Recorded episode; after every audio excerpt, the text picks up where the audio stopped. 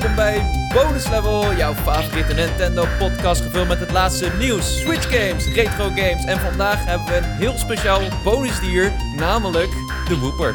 Ja, Wooper, ja. Uh, dus de Wooper is gebaseerd op een axolotl, Cody. Ja. Maar we hebben iemand meegenomen die daar nog veel meer over kan vertellen, namelijk niemand minder dan Daan Koopman, oftewel Nintendo Daan in de podcast. Hi everybody. Welkom, Daan. Waar komt jouw obsessie met die Wooper nou toch vandaan? Um, het is mijn favoriete Pokémon sinds Goud en Zilver. Maar het heeft een... Ja. Maar ik, mijn redenering, hoe ik altijd uitleg waarom Wooper mijn favoriet is, is... Mhm. Het heeft geen armen. Het loopt vrolijk rond met een, met een smile op, zich, op zijn gezicht. Um, en het loopt gewoon door alsof het niks is. heeft hij geen armen? Hij heeft geen armen, nee. Het is een soort van guppy of zo. ik moet wel zeggen, ik, ik, ja. ik had die bewondering nooit voor Wooper. Totdat ik ja, jou ging volgen eigenlijk op je sociale media kanalen. En sindsdien ben ik het gewoon... Ik begrijp het. Ik snap het. Ik Ja. snap het 100%. Hij is een... Of hij of zij is een... Een vrolijk, een vrolijk verschijnsel. Een vrolijk wezen, Klopt. ja, maar hij, hij krijgt wel armen als het een quagsire wordt, toch? Klopt, ja, ja, ja. Maar hij verliest hij ook wel een beetje zijn charme, vind ik. Ja, dat ook. Ja, is ook wel zo. Ja, er komt ook een dode Wooper aan in de nieuwe eh Scarlet Violet, volgens mij, met die botten. Ja. Eh, ja, goed. Ja, eh, Daan, even voor de mensen die jou niet kennen. Waar kennen wij jou van? Want jij, jij hebt een hoop gedaan in deze industrie. Eh, je hebt zelfs bij Nintendo gewerkt. Mhm, ja. Ik ben ooit in 2005, 2006 begonnen met het schrijven over Nintendo-spellen. Dus ik voel me al veel te oud op zich. Ehm, heel wat dingen gedaan, ook bij eh, dingen zoals Go Nintendo, Nintendo World Report. Ehm, uiteindelijk ook heel veel dingen gedaan met Game Explain. Daar doe ik hier en daar nog wel wat. Eh, gedaan op mijn eigen YouTube-kanaal. Ja. Ehm, op heel veel social media. Maar het is, het is een beetje een hodgepodge van allemaal dingen die met, aan Nintendo gerelateerd zijn. Eh, uiteindelijk ben ik een, wat zal het, een goed jaar bij Nintendo terechtgekomen in Frankfurt. Vet. En ja. toen heb ik uiteindelijk gezegd van, ik ga terug naar Nederland. Ja, ja Was tof man. Ja, Was, hoe was die hele ervaring voor jou? Was het een, ehm, een beetje zo van: dit is misschien te veel Nintendo voor mij? Of, of dit is niet hoe ik mijn passie wil benutten voor Nintendo? Of... Mensen, mensen weten niet van eh, de achter de schermen, maar ik deed al heel veel QA-dingen. Dus voor Right. mij was het niet een heel groot probleem om naar eh, Nintendo te gaan. En ik zag Ja. het ook echt als een baan hoor. Ja, Maar tegelijkertijd had ik zoiets van. ehm, er zijn wat persoonlijke redenen waarom ik terug ga naar Nederland. right. Ehm, het, het voornaamste is, en ik ben daar hier ook heel open geweest, en ik heb het ook daadwerkelijk op mijn social media geplaatst destijds.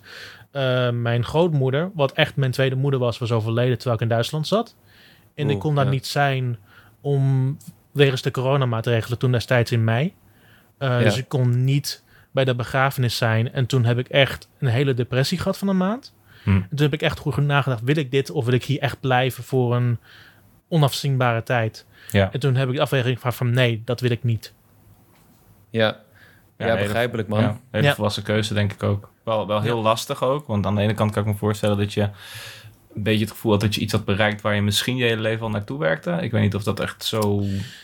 Eh, uite- Uiteindelijk ehm, was het mijn optie geweest om langzaam het schrijven te verlaten en iets anders te gaan doen. Ook al was het misschien niet Nintendo geweest. Ja, ja, ja. Ehm, Maar misschien was de stap richting Nintendo net iets te radicaal voor mij. Ehm, en toen heb ik maar zelf besloten om terug te gaan naar Nederland, omdat het net iets lekkerder voelde. Ja, nou, volkomen logisch. En Ja, nu kan je aansluiten bij de bonus level podcast. Dat had natuurlijk anders niet gekund. Dus het was allemaal met voorbedachte Precies. raden natuurlijk. Precies. Dat is, wa- was wel inderdaad toen wij de podcast begonnen. Toen begon jij net Ja. bij Nintendo. Toen dachten we, shit, ja, dit is wel zonde. Want eh, ik had net met Cody erover. We zeggen vaak tegen gasten, je, je staat op ons lijstje. Je stond op ons lijstje toen we deze podcast begonnen. Is ook altijd zo, maar jij stond wel echt hoog op ons lijstje om erin te komen. Want ehm, ja, als ik, als ik aan, eh, aan jou denk, jij, jij hebt zoveel kennis. Ja, Gewoon van die dingen die wij, waar, waar ik niet eens aan denk. Jou- jouw kennis gaat echt zo ver dat jij opeens op een dag ziet dat een of andere obscure titel van de Wii U e-shop is verdwenen. Ja. En eh, eh, eh, wat dan weer zou kunnen duiden op een of andere remaster misschien voor een Switch game. Maar die komt niet deze week. Want in, deze week is in Japan deze feestdag. Dat soort, Ja, dat soort ja. dingen. ja, precies. Eh, eh, weet jij. Dus eh, ja, ik vind het super tof dat je bent. En we gaan het natuurlijk hebben over de Nintendo Direct. Hij is eindelijk geweest. We hebben hem zojuist gekeken. Ehm, en ik denk dat we gewoon erin moeten duiken. Ja, want laten we beginnen met ons gevoel over deze Direct. Ja, ik, ik, ik, denk dat ik, ik denk dat we, dat, we, dat we daar moeten laten beginnen. Want ik denk dat hij als enige misschien van ons drie er net iets anders naar kijkt. Omdat het natuurlijk, het was een direct die werd eh, gepresenteerd gedurende de Tokyo Game Show. En dat was ook wel te merken, inhoudelijk. Klopt, het was heel veel Japanse games. En ik zal ten eerste zeggen, als je niet echt van Japanse games hebt buiten Nintendo om, want het is natuurlijk wel een Japans bedrijf, laten we ook Mhm. daarover eerlijk zijn. Dat is Ja. zeker waar. ja, maar als je niet echt van de typische Japanse games houdt, dan was deze direct waarschijnlijk niet zo heel erg voor jou. Ehm, en ik realiseer me dat donders goed. Er zijn heel veel spelers, vooral op Switch, die veel meer naar bijvoorbeeld naar indies kijken of naar westerse games en dat zich meer aantrekken. Dat mag 100%. Ehm, als iemand die Japanse games een heel groot hart toedraagt, vond ik het wel oké. Was het de beste direct? Nee. Nee, ja, ja. Ja, ik, ik had me helemaal verkeken op dat het natuurlijk de Tokyo Game Show week is. En eh, er gebeurt een hoop, want we hebben, als we dit opnemen vanavond, ook nog een State of Play van Sony, die Mhm. eh, wel van tevoren al zegt, we gaan veel van onze Japanse partners laten zien. Eh, er zijn presentaties van Konami en nog wat andere dingen. Eh, Sega gaat iets doen. Maar ik had er niet aan gedacht dat Nintendo zo, zich zou focussen op die Japanse titels. Dus in die zin, met alle geruchten die er waren, Ja. waren onze verwachtingen, zoals gewoonlijk, weer veel te hoog. Ik vind dat jij daar schuldig aan bent, eh, Jacco. Jij, jij, jij weet mij altijd zo makkelijk over te krijgen. Ik kan heel realistisch erin stappen. En halverwege zo'n gesprek ben ik helemaal om. Ben ik gewoon, denk ik, alleen maar zoals Jacco. ik mag niet meer hypen ook op de redactie van mensen. Ik mag niet meer enthousiast zijn over Nintendo Direct. Maar kom op, we, we hebben veel gehoord over wat, wat we eh, waarschijnlijk in deze Direct zouden horen. En we hebben er eigenlijk maar één ding van gezien. We gaan er zo eh, over hebben natuurlijk wat. Ehm, maar ja, de, de September Direct is Ja, voor dat is het hem. altijd een beetje... Dat is, daar zijn wij door verleid, ze- man. De, de september, Ja. dit was de September Direct. En dat is voor mij vaak de Direct van het jaar. Eh, zeker met eh, de afwezigheid van Nintendo tijdens E3-weken, slash Game Zomerweken. Ja. Hebben ze natuurlijk niks gedaan. Dus dan verwacht je dat ze hun buskruid opsparen Ik- voor september. Maar Ik weet niet of het een hot take is, maar ik vond hun partner direct in, in juni beter dan deze. ik kan me daar zeker Ja. in vinden. Absoluut. Dat is ook natuurlijk wel behoudens de anticipatie van de titels die getoond worden. Daar weet je van. Partner Direct, dus dan ben je... Hè? Ja, beetje ingetogen. Maar die was echt zeer leuk. Het was echt leuk. Met Blank kwam daar voorbij. En wat kwam daar nog Ja. meer voorbij? Disney Valley kwam daar volgens mij voor het eerst voorbij. Persona. ook Persona. een goede trainer voor Sonic Frontiers. Ja, zeker. Ja. Ja. Maar het, Ja, het voelt raar, hè? Want, het- want het was opnieuw heel erg Japans gefocust, maar het focuste zich eigenlijk op een paar bedrijven. Het was voornamelijk Square Enix en Capcom. Square Enix, ja. Ehm, En wie nog meer? Eh, Ja, eh, die uitgever van al die, eh, hoe noem je dat? oh, Koei Tecmo, Ja. Koei Tecmo ook nog. Koei ja. Tecmo, ja, van die Atelier Spike Games en zo. Ja, ja, ja. Voor dat soort Ja. bedrijven. Dus het was gefocust op gewoon echt een paar voornamelijk. En de enige westerse publisher die er voornamelijk in zat, dat was Ubisoft. ja. Ja, Ubisoft Ja, die had ook nog die indie game en zo. Dat was ook inderdaad opvallend. En Mario en Rabbids, Mhm. ehm, die, eh, die we natuurlijk ook bij de Ubisoft Forward al hadden gezien. Dus ja, ik denk ook dat met die Partner Direct was het ook het... Het waren de verwachtingen. Ik, ik verwachtte helemaal niks daarvan. En toen kwamen ze opeens met, eh, eh, met Nier ook en Persona 5, waar iedereen al lang op zat te wachten. En eh, dat was gewoon tof. En hier Ja. dachten we, oké, we gaan all out. We hebben in juni hebben we niet echt een direct gehad. Dus nu moeten we wel iets vets krijgen. We kunnen misschien dezelfde remaster zien krijgen met Roy Prime zijn verhalen over. Wie weet doen ze nog wel iets voor eh, de Mario-film, dat we een game tegelijk hebben. Eh, maar dat is allemaal niet gebeurd. Eh, ik denk dat we gewoon even op volgorde de, de, direct langs moeten gaan. Ehm, hij opende op zich wel sterk, namelijk met Fire Emblem Engage. Die komt op 20 januari uit. Een gloednieuwe Fire Emblem game die blijkt al best wel lang klaar te liggen. Ehm, en ook al dat ik, eh, ook al ben ik geen echte Fire Emblem fan, ik ben, eh, ik heb alleen die mobiele game gespeeld en Three Houses ben ik aan begonnen. Eh, niet afgemaakt eerlijk gezegd. Vond ik dit er wel heel goed uitzien. Ehm, dus het ding met Engage is dat ze veel meer focussen op klassieke gameplay. Niet op de gameplay die ze hebben laten zien met de modernere Fire Emblem games. Zoals met de dingen op 3DS en met Free Hopes. Mhm. Ja, ja. Ehm, en dat, dat hun hoofddoel is eigenlijk om zoveel mogelijk klassieke characters erin te verwerken. Ja, op een manier die je ook, dan ja. samenvoegt met dan de nieuwe personages. En dat ziet er op zich wel heel interessant uit. Want het ziet echt meer gefocust op echt puur de strategie gameplay. En dat trekt me wel een klein beetje. En het terugkeren van bekende personages als bijvoorbeeld een, een Marth of zo, die zag je natuurlijk direct in de trailer. Is dat dan volgens jou fanservice? Of? Eh, Het voelt vrij fanservice want als je de begin van de trailer zag, dan was het heel veel oude bekenden van de hele reeks. Door de Ja, hele ja, reeks ik kende er zelfs een paar, dus dat, gaat, dat Ja. is een goed teken vaak. Ja, maar het is, Ja. Het, is, het is niet alleen van... Want Marv, de Marv-tijdlijn wordt gezien als de hoofdtijdlijn. Ja. En die eindigde met Awakening. Maar er zijn ook een paar spin-offs geweest daarvoor en daarna. En die characters zitten er ook in verwerkt. Dus het, is, het voelt meer als een, een soort van verjaardagsfeestje voor de hele Fire Emblem-reeks. Terwijl het verjaardagsfeestje eigenlijk vorig jaar was. Maar goed. Misschien was hij vorig jaar al af en alleen past het niet binnen de strategie om hem in het juiste jaar uit te geven. Ja misschien. ik bedoel, ze hebben Zelda helemaal geskipt. Ja, inderdaad. En dan wel, dat vond ik zo opvallend, klein beetje foreshadowing, maar dan, maar dan wel bij Kirby zeggen van, en omdat hij jarig is. Van, gast, jij met Donkey Kong heb je gewoon compleet genegeerd. Mario deed je, ja, je had een Mario Direct trouwens, in alle eerlijkheid. Zelda liet jullie aan jullie voorbij gaan alsof het niks uitmaakte, maar Kirby Mario is de enige die ze echt hebben gevierd, ja. Ja, Ja, goed. Ja, ik, ik vind het er tof uitzien. Maar het viel me inderdaad op dat, ehm, die, dat de gameplay ook iets meer van bovenaf was, volgens mij. Want eh, uit Three Houses was het helemaal een beetje ingezoomd en iets meer... eh, het zag er iets spectaculairder uit of zo. En dat, dat trok mij wel. En daarnaast die, die, die, dat andere, zeg maar, bij- eh, bijna de tweede helft van die game... dat jij een leraar bent en je leerlingen leert kennen... en ze dan traint en ze ook de, de battlefield opstuurt, zeg maar... Eh, dat vond ik ook wel heel tof. Een beetje een, een persona-achtig element aan die game. Hmm. En ik weet niet of Engage mij daarin gaat voorzien. Het ligt eraan wat je zoekt in een Fire Emblem game. Daar, daar Ja. komt het eigenlijk op neer. Als je meer van de strategie gameplay bent, dan zou je het waarschijnlijk ontzettend leuk vinden. Maar als je meer van de moderne dingen in een Fire Emblem game gewend bent, wat allemaal kwam na Awakening, zoals in Ja. Fates en zoals met, een, met Free Houses, dan ga je het waarschijnlijk op een heel ander licht zien. Ik denk ook dat, want ze hebben het geprobeerd weer een beetje te rebooten met ehm, het Fire Emblem Echoes, de, een van de Mhm. laatste 3DS games. Ja, ja. Eh, waar ze meer in klassieke elementen lieten zien van Fire Emblem. En het pakt op Ja. zich best goed uit hoor. Het, daar niet van. Maar het, het is wel een heel andere richting van wat eigenlijk nu voornamelijk de fanbase is van Fire Emblem. Het is gewoon een hele andere insteek. ja. Ja.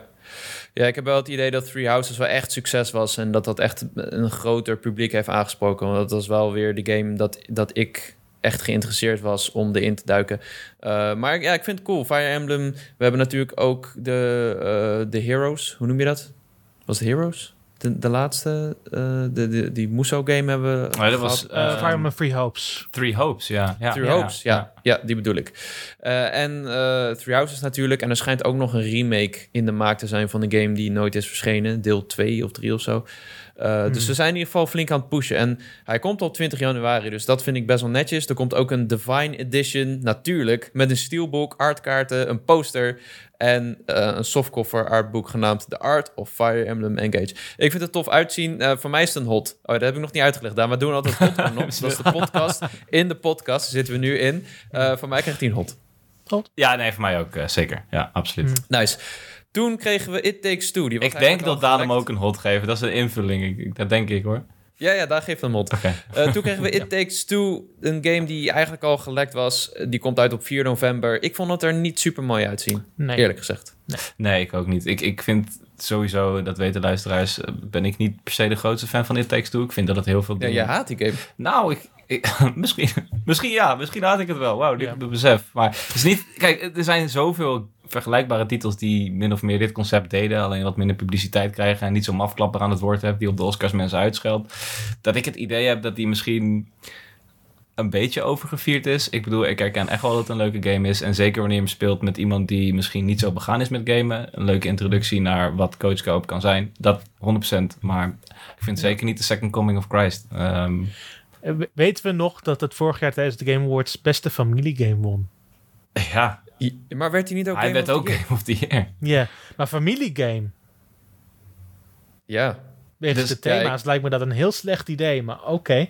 Ja, nee, precies. wel, ja. ja. het is, eh, ik heb het niet gespeeld, maar ik hoor dat inderdaad best wel wat heftige dingen in die, in die game zitten. Eh, ook al is het inderdaad wel, wat ik heb gehoord, een leuke game om samen te spelen met iemand die niet zo begaan is met games. Omdat de, de, Ja, Ja. eh, omdat het gewoon, ja, het is, het is een co-op only game. Dus je kan hem ook op Switch kun je hem in eh, tabletop mode kun je hem gewoon een splitscreen spelen op tv natuurlijk en online met elkaar. Eh, het is tof, maar ik ja, ben een beetje bang. Die framerate leek ook niet helemaal zuiver in de trailer. Dus Ja. eh, voor mij krijgt deze een not. Sorry, Nintendo. ja, nee, ook not. Eh, dat, dit is een stuk ingewikkelder, want hier is het ding. Ik kijk altijd naar...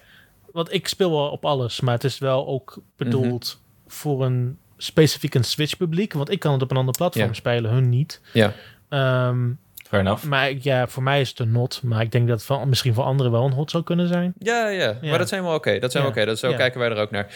Eh, toen kregen we Fatal Frame. The Mask of the Phantasm heb ik opgeschreven. De, volgens mij is het de Forbidden Mask of the Phantasm. Ik, ik, de naam Fatal Frame heb ik wel eens gehoord. Ik heb geen idee wat het is. Dit is een Japanse horror game. Je, je- Het heet niet Fatal Frame in Europa. Oké. Hoe dan? Het heet Project Zero. Project Zero. Maar Het- dit is een hele oude franchise, toch? Of niet? Eh, de laatste was op de Wii U, geloof ik, ja. Oké. Want die, die game is ook geremasterd richting Switch.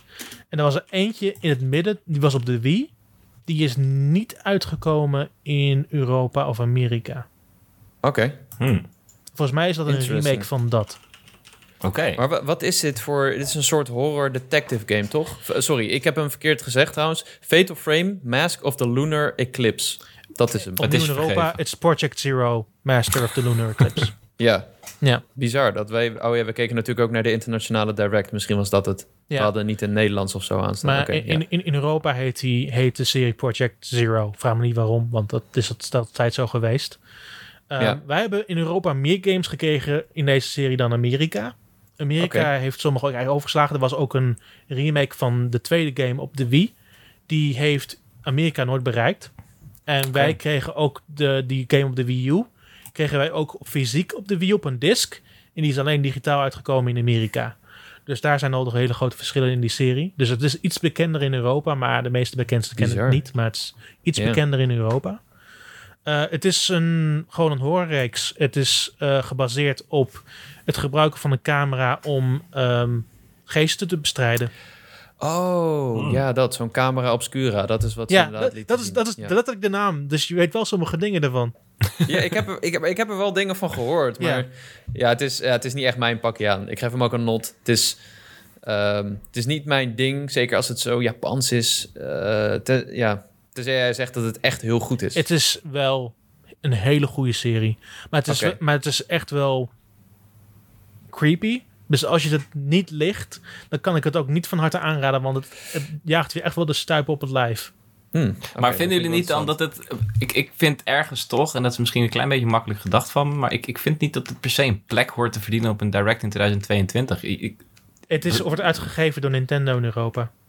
Hmm, vandaar, ja. Oké, ja. Ik had hem eerder bij een partner gezien, denk ik. Maar ik snap ook in de context van Tokyo Game Show. eh, ja, en als ze het zelf uitgeven, dan... zien. Ja, ja. Ja. Ja, maar voor mij is het een not. Totdat, totdat hij uitkomt en ik hem misschien probeer. ja ik, ik ga mee erin. Ja. Oké. Eh, toen kregen we nieuwe content voor Xenoblade Chronicles 3. Het is alweer volume 2 van de eh, expansion pass. En wat kregen we? Eh, een nieuwe held genaamd Ino.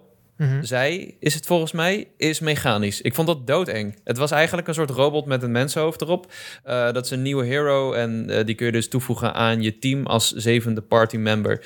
Eh, en die heeft eh, weer eigen abilities en eh, Mhm. dat soort dingen. Eh, en er worden ook bepaalde challenge battles toegevoegd en nieuwe accessoires en speciale outfits, waaronder strandkleding. Yay. Ik, ik denk dat ik wel die zwembroek ga aantrekken. Nee, ik word al een beetje ongemakkelijk van die strandkleding in Xenoblade Games. Dat was dat, Hoezo? Ja, ik, ik- wil graag een zwembroek aan. ik weet niet, toen, toen, toen ik op Ultimate zag dat je Shulk ook in zijn onderbroek kon laten vechten en zo. Ik weet niet.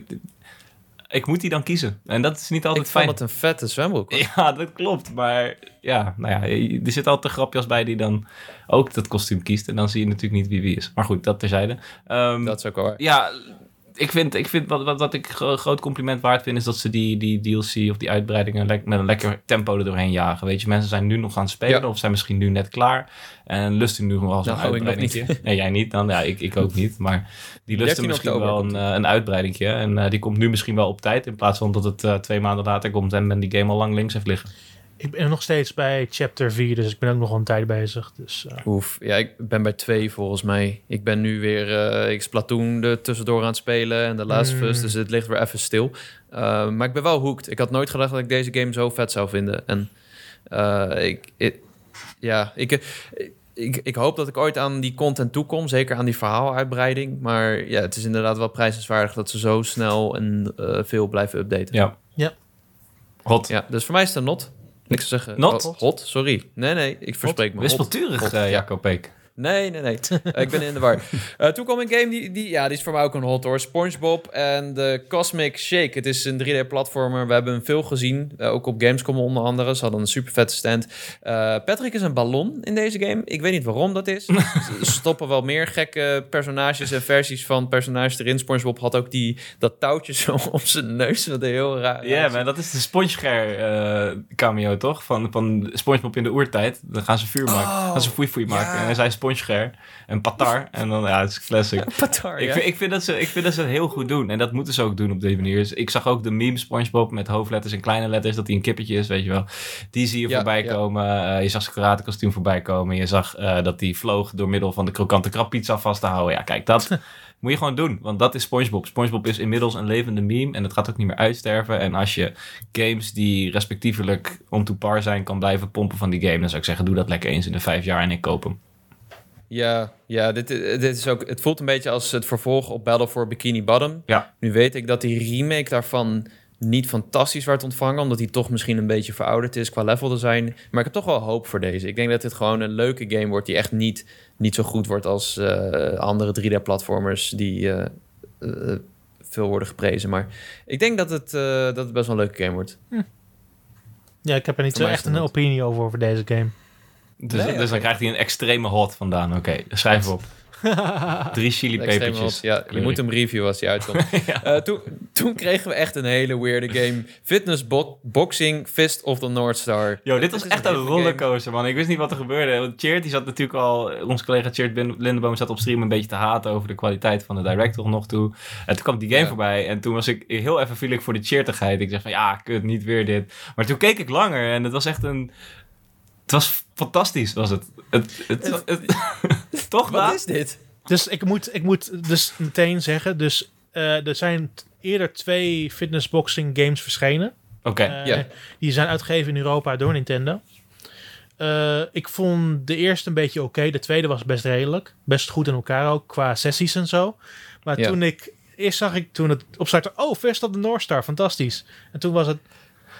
Fitnessboxing met Fist of the North Star. Uh, dus wij hadden het precies het tegenovergestelde van elkaar. Ja.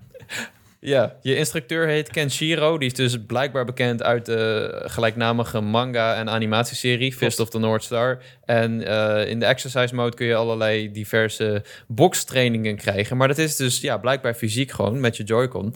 Wat ja. wel geinig is, behalve dat, ja, dat het dus eigenlijk niet uitzag. Ik weet, ik, ik weet niet wat ze gedaan hebben, maar dit zag er zeer ouderwets uit. Het, het is een beetje de aesthetic van of the North Star, als ik eerlijk met je hmm. ben.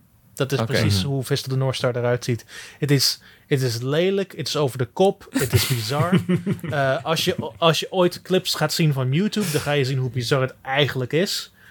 Um, ja. En dat dat gecombineerd wordt met iets wat vrij solide al in elkaar staat. Bij fitness boxing geeft me wel een beetje een, een gekke glimlach van... Oké, sure, Ja, weet je, niet? fuck Ja. it. Het is Ja. een hot voor mij. Ik geef hem een hot. Ik geef Waarom hem ook niet? een gekke glimlach hot. Ik vind het mooi verwoord. Ja. Ja. Eh, dan kregen we een game Oddballers. Het is een Ubisoft game. Volgens mij is het een van hun indie projecten. Daar hebben ze zaterdag ook meer van laten zien. eh, hun indie studio's. En dit zag er een beetje uit als... Hoe, hoe omschreef jij het, Cody? Oh, Val, nee, niet Fall Guys. Oh ja, dit, eh, ja, ja, dit, dit, is sowieso een beetje elke partygame in één natuurlijk. Maar het deed mij het meest denken aan een beetje een fusion tussen Human Fall Flat en eh, Boomerang Fu. Boomerang Fu is niet zo'n hele populaire slash bekende titel, maar het is een fantastische. Switch party game waarin je elkaar met een boomerang moet- van kant moet maken. En dat zag je hier ook. En als ik het goed herinner, zag je ook nog een paar minigames voorkomen. Dus naast het feit dat je elkaar de ring moet uitgooien, zag ik ook een voetbalmodus. En ik zag een, eh, een springmodus of iets dergelijks. Dus hey, maar dat is altijd leuk voor die, voor die party, eh, voor de party Sure. catalogus voor in het weekend. Dus eh, laten we het gewoon Ja. proberen een keer voor een zacht prijsje. Ja hoor, hot. Ja. Ik geef hem een bescheiden hot. Ja. Scheidhold hier. Toen een van eh, waarschijnlijk de beste games van het jaar, die ik nog steeds niet heb gespeeld, Tunic. Die komt naar de Switch. Ik had het wel een beetje verwacht al. Eh, hij was op Xbox en PC uit, maar hij komt nu naar de Switch. Lijkt me een ideale game. Mocht je dit hebben gemist, dit gaat over die vos die heel erg lijkt op Link. En eh, behalve dat je puzzels oplost en dungeons doorkruist in deze game, eh, schijnt er ook nog een hele diepere laag achter te zitten. Namelijk dat alles draait om taal die jij zelf uitvogelt. En dat schijnt best wel een bijzondere reis te zijn. Heeft, een van jullie die gespeeld? ja, op de, ik heb hem het eerste weekend dat hij uitkwam op Game Pass, heb ik hem helemaal doorgespeeld, ja. Nice. Wat vond je ervan? Ja. Nice. Een Korte van mijn favoriete games nog nu toe van dit jaar. Het is Ik waarschijnlijk nog steeds, is het nog steeds in mijn top 3. Hij komt over twee weken uit op Switch. Ehm, ik zou zeggen dat iedereen die een beetje Nintendo fan is, moet hem waarschijnlijk wel halen. Want het heeft een heel erg een Link to the Past open stijltje. Maar eh, de combat daar voelt eh, iets agressiever. Het is meer gefocust op de combat, maar ook op iets in- meer ingewikkelde puzzels. Ja. Dus het voelt net Ja. iets geavanceerder in hoe het ehm, is opgezet. Eh, en van begin tot einde on- onrafel je eigenlijk een mysterie. Wat in eerste instantie een beetje vaag lijkt, maar dan komt de conclusie een beetje langzamerhand naar boven. En het einde is een van de beste dingen die ik dit jaar heb gezien. Ja, ik sluit me daar volledig bij aan. Ik heb, hem, eh, ik heb de review destijds voor het magazine geschreven ook. Ik gaf hem volgens mij een 90. En dat vond ik Ja, destijds oh al ja. hoog. Maar nu die game een beetje is bezonken. En inderdaad ook wat Daan zegt. Als je gewoon het een beetje wegzegt tegenover wat ik dit jaar heb gespeeld. Ja, kop en schouders man. Ehm, fantastische game. En het, bl- het blijft ook belonen. Hè? Hoe, Ja. hoe ver je ook gaat en hoe ver je ook komt. En elke keer denk je dat je aan het einde van de content zit. Of dat je hier niet meer heen kan. En het blijft belonen. En dat is absoluut prijzen. Precies. Ja, vet man. Ja, shit, ik moet je... Ik heb het eerste weekend heb ik hem gelijk gedownload en toen niet eens opgestart. Er kwam iets anders uit toen. Ik weet niet meer wat het was, maar ik was daarmee bezig. En eh, zonde. Ik weet nog wel dat Cody boos was dat hij maar 300 woorden had in het magazine. Ja, ik, was, het- ik, ik deed hem als ook gespeeld. Want eh, de hoofdredacteur van magazine Wouter vroeg aan mij... wil je hem eh, voor ook gespeeld doen? Toen zei ik in eerste instantie nee, ik wil hier gewoon twee pagina's voor. Toen zei hij, ja, daar, Ruimte meer. daar gaan die chef. Ik zeg, let jij nou maar op. Dit wordt een, worden, je gaat er spijt van krijgen. Ja, Hmm. Cool. Ja, hot, hot, hot. Eh, toen kregen we Front Mission. Een remake van Front Mission 1. Een remake van Front Mission 2. En de aankondiging van de remake van Front Mission 3. Ja, ik heb hier dus helemaal niks mee. En ik dacht ook dat deze al waren aangekondigd. Ja, volgens mij 1 en 2 waren ook wel aangekondigd, ja. Ja, Een precies. heel tijdje terug. Ja, dit zijn eh, oude strategiegames met... Ja, wat is het? Mechs? Zijn het? Ja. Een soort van mechs, panzer, Het wordt mechs, gedaan door Forever. Enter- Forever Entertainment. Die hebben recentelijk een financiële boost gehad van NCL, dus het hoofdkantoor van Nintendo Japan. Toch? Dus- Ah, Dus die, krijgen, die krijgen, hebben, hebben in principe gewoon meer geld om gewoon hun eigen remakes in elkaar te gaan flansen. oké. Nou, nu ben ik wel eerlijk. Ik vond een Panzer Dragoon remake ook niet echt van super fantastisch. Totdat ze een update een half jaar later hadden uitgebracht. Dus ik heb niet echt een idee dat ze precies weten waar hun kracht ligt qua het remaken van games. Dus ja. ook al ben ik best geïnteresseerd in Front Mission, want de Front Mission vond ik destijds wel tof.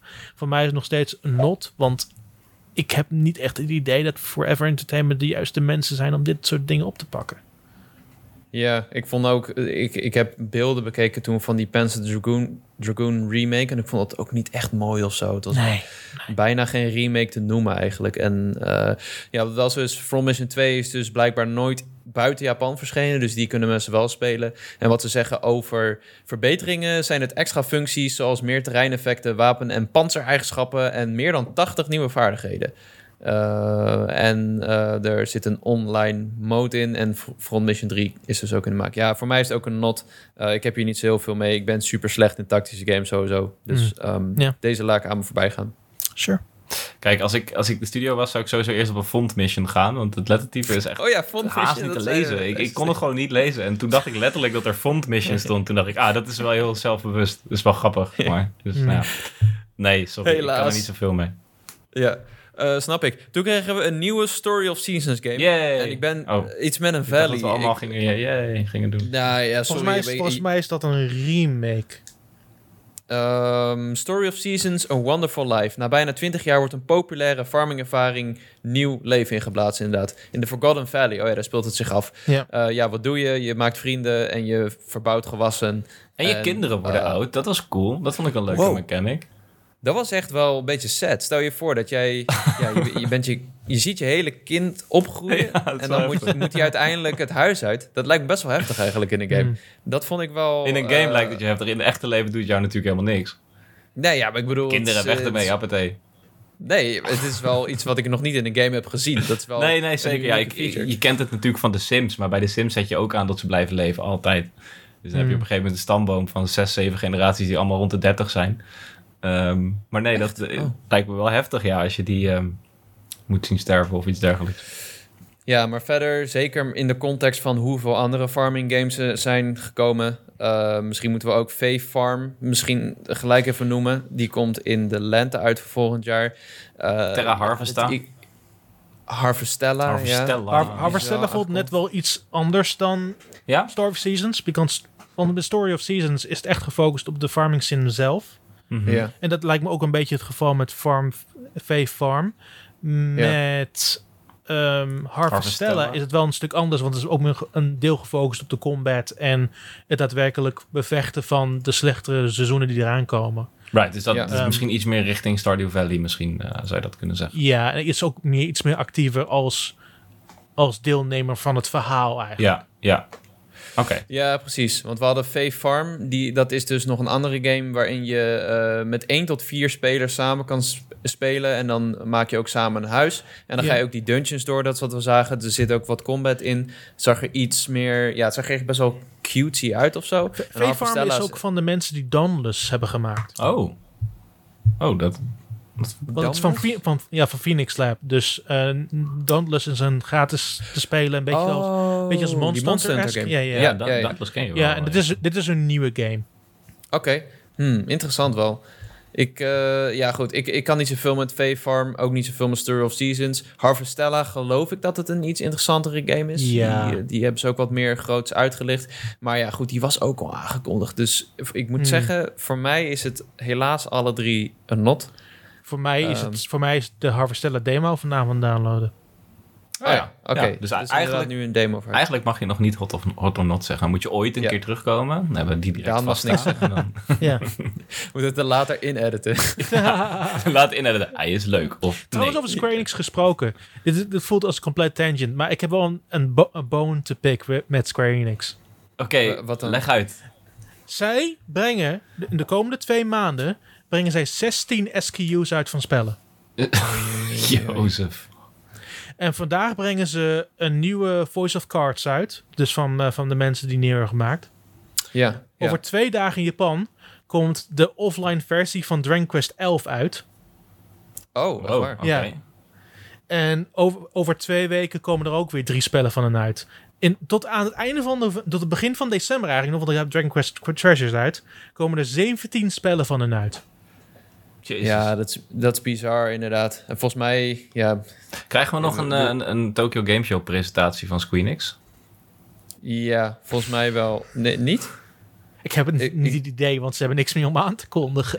ja, Ja, true. ook wel waar. Misschien Ze hebben ze er wel 30 komende twee maanden, weet je niet. Ik bedoel, ze hebben ook nog vandaag, eh, meteen niet om helemaal vooruit te springen, maar ze hebben ook nog vandaag Octopath Traveler 2 aangekondigd. Ja, Ja, heel, heel willekeurig was dat. Ja, dat vind ik veruit wel de, de vetste aankondiging van, van echt de Japanse RPG's die we vandaag hebben gezien. Want ehm, ik, ik, ik heb ook het idee dat ze redelijk snel dit soort games kunnen maken, omdat ze die artstijl erop toepassen. Want ze hebben natuurlijk ook tech... Shit, hoe heet die game nou? Tactical, tech... Ik ben vergeten hoe Tactical die heet. Tactic, die ja. tactische game. Goeie, goeie, Ehm, Eh, Triangle en, eh, Strategy, Triangle Strategy. Oh, ja, Triangle, Triangle Strategy. Strategy, wow, dat is wel een significante titel. Ja, Ja. je ziet wel dat Octopath Traveler heeft wel echt een soort van nieuw subgenre. Die 2,5D eh, pixel art-achtige... Ja, en moet ook nog nagaan, ze zijn ook met een remake bezig van Dragon Quest 3 in dezelfde stijl. En Live Live is ook uitgekomen dit Live jaar. Live, Live ja. Live. Ja, het zijn Ja, dus- allemaal redelijke games ook. Ik denk dat Ja. Octopath Traveler 2 zich wel echt kan onderscheiden daarvan. Eh, het is natuurlijk daarmee begonnen. Die liefde voor die manier van... Het, het heeft eigenlijk een hele nieuwe generatie weten te kunnen bereiken... met waar wij Nee, van precies. houden vroeger.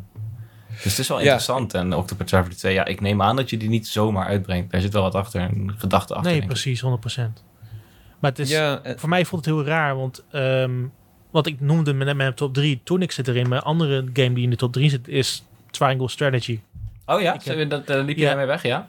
Ja, ik, want ehm, je hebt echt verschillende paden. Want er is dat strategy gedeelte, maar er is ook een heel ehm, sociaal gedeelte waar je constant in gesprek moet met de personage voor welke kant je eigenlijk op gaat. Hm. Waar de triangle strategy eigenlijk vandaan komt. Want je hebt drie keuzes constant. Je moet constant Mm. weten waar het verhaal naartoe gaat en wat je precies wil van het verhaal. Hens, Dus de je hebt driehoek. ook. Ja. Dus je hebt eigenlijk ook drie Exact, verschillende manieren om dat hele spel door te spelen. Dus ik heb op elke manier heb ik dat, dat spel doorgespeeld toen het uitkwam. Ehm, Dat is en het, het, heel het is echt bizar groot en goed gemaakt spel. Maar het, is, het voelt een beetje te veel. Zoals ik net zei met Square Enix. Ze brengen echt te veel spellen uit de laatste tijd. En het gaat gewoon door ergens in februari volgend jaar. Tja. Ja, ik, ik weet ook toevallig dat ze eh, recent een evenement hebben gehad. Misschien mogen we dit nog niet zeggen, maar de, de, ze hebben wel een, eh, een eh, sessie gehad waar iedereen hands-on kon met ja, bijna al die games volgens mij. Ehm, het is veel, inderdaad. En het, ja, als je ervan houdt, is het inderdaad een overkill. Voor mij is het eh, gewoon een beetje de eh, krenten uit de pap eruit halen. Octopath Traveler Mm. 1 vond ik echt heel tof. Het verhalende gedeelte vond ik heel tof. Maar ik vond het heel vervelend dat je heel veel moest grinden. En dat staat me altijd een beetje tegen bij dit soort RPG's. Hmm. Eh, die heb ik toen ook niet uitgespeeld. Want volgens mij moest je echt wel een uur of 70, 80 erin steken om die uit te spelen. En ja, die, die tijd heb ik gewoon niet altijd voor RPG's. Nee. Eh, maar desondanks, dit, dit is voor mij wel een hot. Ik vond het er vet uitzien. Eh, verhaal, personages zag allemaal goed uit. Dus sure. ehm, Het is zeker hot, maar het laatste wat ik erover wil zeggen is... En kijk, ik, ik, Octopath Traveler vond ik altijd heel tof. En ik heb hem nooit helaas van A tot Z uitgespeeld. Maar ik had wel altijd... Als ik de prikkel had om een dergelijke game te gaan spelen... kwam ik altijd bij Octopath Traveler uit. Gaf ik hem een slinger of ik ging verder waar ik was gebleven. Ondanks het Ja. misschien een beetje Ja. het verhaal was. En dat was Octopath Traveler altijd voor mij. Dat was de game die daar bleek. Tegenwoordig heb je zo'n groot aanbod. Eh, dus ik Hmm. begrijp eigenlijk wel wat Daan zegt. Daar kan je misschien eh, wel in gaan eh, verdrinken... als je niet een, eh, een fijnproever bent van het genre. Ja, precies. eh, toen kregen we Theatrhythm. Ik weet niet of ik het goed uitspreek. Final Theorhythm. Fantasy The Theorhythm eh The Final Bar Line. Het is een ritme game in de Final Fantasy serie. Hell yeah. ik, ik vond de artstijl er niet goed uitzien. Maar ik heb wel gehoord dat dit best wel leuke games Oh zijn. man, ik werd er echt blij van. Ik zeg je heel Ja, eerlijk, ik werd er ook. echt Ja, blij van. Ja, Ik is- vond het zo'n bizarre beleving. Want, jij kan hier veel beter over vertellen dan. Ja, dus de originele twee spellen kwamen uit op de 3DS. Eh de eerste Rhythm, Freedom Rhythm Final Fantasy Curtain Call. Ze hebben later ook nog een game uitgebracht in de arcades in Japan. Ehm, hele vette serie. Eh ongelooflijk hoe ze de muzieknoten specifiek erin verwerken. Ik vond... eh, want ze hebben ook een Kingdom Hearts game later gedaan, diezelfde studio. A Melody of Memory. Eh, Ja. Maar dat voelde net iets te ingewikkeld. Hoe je constant heen en weer ging met alle objecten en zo. Dus teruggaan naar de basics. Waar het goed, waar het goed voelt. Waar je weet wat je moet doen. Hoe je de knoppen moet gebruiken. Eh, dat voelde altijd wel heel erg goed. En de verschillende stijlen van het spel. Want je had dan meer een field, field waar je dan van links naar rechts ging. Of je ging, je hebt meer een story mode waar je dan de cutscenes in de achtergrond had. En je dan meteen op de knoppen moest drukken. Dat soort dingen eh, gaven het veel meer balans. En het lag, lag me altijd veel meer interessanter. Ehm, Ja. Maar ik was een beetje bang dat die serie een beetje dood was. Want ik, vond, ik heb ik speel nog steeds Curtain Call, dus de tweede Emblem game op mijn 3DS. is letterlijk een van mijn favoriete games in de afgelopen tien jaar. Wauw. Ehm, maar het, het, het bleek een beetje of die serie een beetje dood was gebloeid nadat die arcade game uit was in Japan. Waar ze specifiek ook knoppen hadden gemaakt voor elke serieknop die Mhm. je moet indrukken. Het was echt heel specifiek uitgewerkt. Oké. Ehm, en die, dus die arcade game hebben ze eigenlijk nu omgezet naar een volwaardige titel op console. Eh, waar alle songs in zitten van de arcade versie. Maar ook de multiplayer versie, eh, versie van die arcade version. Dus dat betekent dat je nu Ah. online met vier mensen de strijd kan aangaan. En constant kan vechten om gewoon, ehm, gewoon de beste ritmemeester te worden. Eh, dus dat soort dingen vind ik wel heel tof. Maar ook dat ze buiten mensen, dingen die met de arcade version hebben gedaan, ook gewoon weer nieuwe DLC toevoegen en echt meer een groter pakket maken. Dat maakt, stemt mij wel heel erg positief. Want 500 nummers in één pakket, Ja. dat Ja, is... dat, dat blies Ja. me ook wel weg, ja. En, en het Ja. is ook, er, is ook, er is ook genoeg nu voor de... eh, kijk, ik ben natuurlijk niet de grootste Japanse games-kenner of zoiets dergelijks. Maar ook Ja. voor mij, ik zag de soundtrack van Octopath Traveler komt me bekend voor. De soundtrack van nou, Final Fantasy natuurlijk komt bekend Nier, voor. oh, Nier zat erin, Live Alive zat Mhm. erbij. Dat zijn, gewoon, dat zijn gewoon hele goede soundtracks. Ja. Eh, dus dat spreekt mij dan ook wel weer aan. En misschien is dit wel een moment voor mij om eens een keer een ritmische game te gaan proberen. Ja, het Hoor is, ik hier een hot Cody? ik Ja. denk dat jij een hot... eh, het begint wel, ik krijg het wel wat warm eh, als ik het erover heb. Ja. ja. Ja. Maar het is, het is, het is letterlijk... Als je eenmaal in de actie bent, is het echt wel fantastisch gedaan. Ehm, ik denk van elke rhythm game, het valt ook de meest te begrijpen, van meteen vanaf het begin. Maar de muziek is voor mij altijd het belangrijkste met een rhythm game. Mhm. En met Final Fantasy en de games die ze uit de Square Enix catalogus kunnen halen, ja, dat maakt het ook wel, ook wel een stuk positiever over het algemeen. Ja, eens. Ja, waanzinnig hoeveel goede soundtracks zij in huis hebben, man. Mijn god. Ja, cool. Ehm, een game die ook een hele goede soundtrack heeft en een aantal legendarische composers. Hoor ik daar een bruggetje? Eh, is dit een bruggetje? Dit is een bruggetje. Eh, Mario plus Rabbids Kingdom Battle. Ja, we hebben afgelopen zaterdag tijdens Ubisoft Forward eigenlijk veel meer van deze game gezien. Toen lieten ze een baasgevecht zien waarbij ze de combat een beetje uitlichten. Eh, en hier lieten ze iets meer van de exploration zien en daarna kort nog even een gevecht. Ehm, ja, we hebben het hier veel over gehad en misschien gaan we het hier wel meer over hebben binnenkort. Maar ik vind dit heel vet. Ik eh, kijk heel erg uit naar deze game. Mm. Ik vond Kingdom Battle een van de leukste Switch games. O- Ondanks dat ik dus helemaal niet into strategy ben. Ik, ik ben Mm. heel slecht erin. Uh, maar deze game heeft wel echt een beetje mijn ogen geopend voor hoe tof het kan Maar zijn. ik denk Dus, ook dat het ja, in dit- spite die feit is dat je het zo vet vindt. Omdat een diepe strategiegame, of diepe RTS is natuurlijk wel een beetje... Dit schrikt mij ook wel eens af. En Mhm. eh, ja, ik denk juist dat, dat, dat, dat Nintendo en Ubisoft dat heel slim hebben gedaan. Dat hebben ze natuurlijk ook bij Kingdom Battle al gedaan.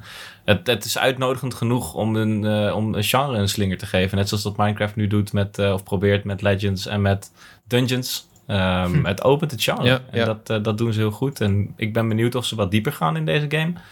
Ehm, maar ik ben ook vooral heel benieuwd wat jij ervan vindt, Daan. Want mensen hebben ons al vaak gehoord. Maar hoe kijk jij naar zo'n titel?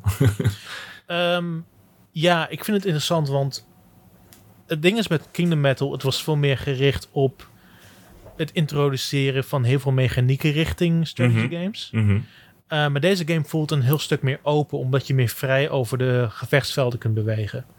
En Ja.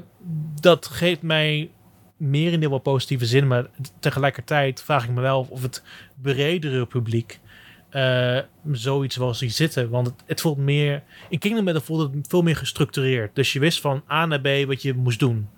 Um, nu maak je deze Sparks of Hope maak je iets wijder en opener. Dus voor mij vraagt het meer af van voor wie is dit nou specifiek gemaakt? Is dit echt gemaakt voor de fan die de eerste game hebben gespeeld? Of probeer je nu een wijder net te vangen en probeer meer geavanceerde technieken in een strategy game in te voeren? Ja. Ja. ja, goed punt. ja, snap ik heel goed. Ja, ik, ik, ik denk, uh, ik, hoe ik het inschat, is het voornamelijk inderdaad de Kingdom, uh, de Kingdom Battle fans die hier het meest voor moeten warmlopen. Dat is in ieder geval hoe ik het verwacht. Maar goed, misschien weten we hier binnenkort een heel Mijn stuk meer. Is dat Jacco ik weet helemaal niks. Jacco weet niks. ik weet helemaal niks. Uh, ja, voor mij een hot man. Ik heb zin in deze game. Mm, um, ja, zeker. Dan nog Rune Factory 3 Special. Heeft iemand daar nog wat over te zeggen? Voordat we naar de Nintendo 64 games gaan. Ik, ik vraag me af waarom Rune Special 3 überhaupt op Switch is, terwijl je al 4 en 5 hebt en er een nieuwe aankomt. Ja. En daarmee Oh, is ja, alles dat hebben gezegd, ze ook denk ik. inderdaad. Ja, ja, ja. ja. Nee, eens. ja, want, dat, want. Vector 3 ziet er gewoon niet uit, man, op, op, een, op een moderne console. Het was op de DS. Eh, Je, je kunt duidelijk zien dat ze de, de Oh. models hadden ge- geremaked in diezelfde stijl, maar dan specifiek gemaakt voor een console. Ik bedoel, het zag Dat er las ik in de chat uit, inderdaad. Ja. Hm. Oké, ja, not. Sorry Nintendo. Eh, toen kregen we een nieuw segment over Nintendo Switch Online met een aantal nieuwe Nintendo 64 games. Nu heb ik de verdeling even niet voor me, maar ze hebben aangekondigd dat, hou je vast, Pilot Wings, Mario Party 1, 2 en 3, Pokémon Stadium 1 en 2, 1080 Snowboarding, Excitebike 64 en GoldenEye eindelijk naar de Switch komen. En die Mhm. laatste die krijgt ook een online versie. Ehm, ik werd hier wel enthousiast van, vooral Pokémon Stadium. Ik, Echt super vet. waar, ik, waar ik in eerste bang over ben, is waarom is Mario Party 1 daar? Ik weet niet, dat, ik, heb, ik ken die oude Mario Party niet. Cody? Ja, ik zal je, jij ik je wel vertellen waarom. Want destijds hebben ze daar een rechtszaak over gehad, hè? Met Mario Party 1. Dat je, Oh. dat, dat je hele hand eropen ging omdat je constant met je Ja, stick moest ja. Oh, Ja, vanaf dat moment is ook, kwam ook de, de waarschuwing bij de Mario Party eh box art erop te staan. Niet te hard met je vinger dragen. En Ja. kreeg je voor elke minigame een schermpje dat je moest wegdrukken. Want ze hebben nog nooit Mario Party 1 gereleased op elke andere eh, virtual console. Want Ah. Wow. puur omdat ze daar bang voor waren, denk ik. Maar waarom ze het nu zeggen van... We Fuck kunnen it. het maken. ja. Ja. Ja, dit, ja, het is ook niet zo alsof de Joy-Con nou volledig driftproof is. Laten we dat. eh, nee, dat nee, nee. Eh, maar ja, nee, dat is zeker opvallend. Dat, eh, dat, dat wist ik ook eerlijk gezegd niet. Dat dit de eerste keer is dat hij wordt gereleased. Interessant. Eh, maar Ja. wat ik vooral gewoon heel waardevol vind hieraan, is dat we nu eh, met Mario Party, en dan moet ik het goed zeggen, Super Mario Party, volgens mij de meest recente, of was het Ja? Mar- nou, Super- Mario, Bar- Mario Party Superstars. Mario Party Superstars, ja. Superstars, ja, ik ja. haal ze ook altijd op. Ja, dat is lastig. Die twee titels die zaten zo kort op elkaar ook.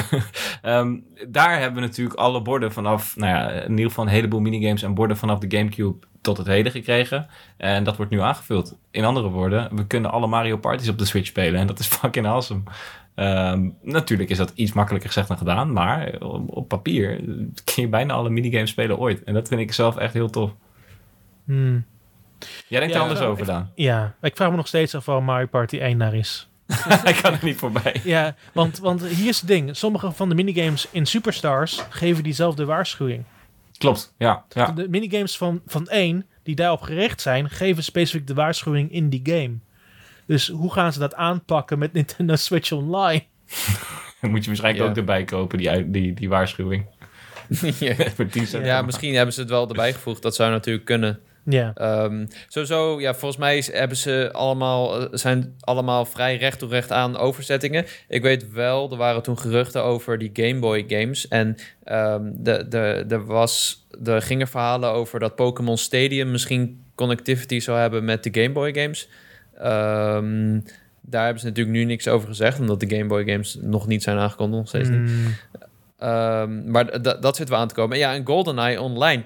Ik, ik heb niet zoveel met GoldenEye. Mijn, mijn James Bond game is Nightfire. Ja, die same. daarna kwam. Een beetje misschien wel de spirituele opvolger. Eh, die wat mij betreft ook veel lekkerder speelt. Want de eerste keer dat ik GoldenEye speelde was op de redactie. Ja, nee, maar kijk, die besturing van af, GoldenEye is natuurlijk verouderd. Dat, dat, dat is Hoe? geen... In godsnaam kun je die game Dat is besturen geen- met één stick. Hoe kun je dat besturen, ja? Hoe kun je dat besturen? Nee, dat is geen lekker wijntje. Nee, die is zeker niet... De leeftijd staat hem niet goed. Maar Hmm. ik heb wel de hoop dat ze iets twik, eh, tweaken aan die besturing. Ook omdat je natuurlijk niet op een 64-controller speelt, eh, doorgaans. De andere Ja. noot die ik heb, ik weet dat Pokémon Stadium 1 en 2 fantastisch zijn, vooral door de minigames. Maar Stadium 2 is heel bruut. Als je met de rental Pokémon probeert de, de, de in-game battles te doorlopen. Dus ik heb wel het idee dat, men, dat die game me- eenmaal uitkomt. Dat, dat die Game Boy connectivity wel moet komen. Anders heb je wel een heel groot probleem. Hmm. Dat is een goed Want- punt. Ja. Dat is wel echt Ja. een goed punt. En die, die rental Ja. Pokémon, dat is er ook gewoon een party van zes die je kan selecteren. Je krijgt drie keuzes of zo voor, toch? Als ik me goed herinner. Je kunt gewoon uit alle 251 Pokémon kun je drie selecteren. Oké. Het ding is wel, heel raar, sommige van de mid-evoluties zoals ehm, Charmeleon heeft betere aanvallen dan Charizard. Right.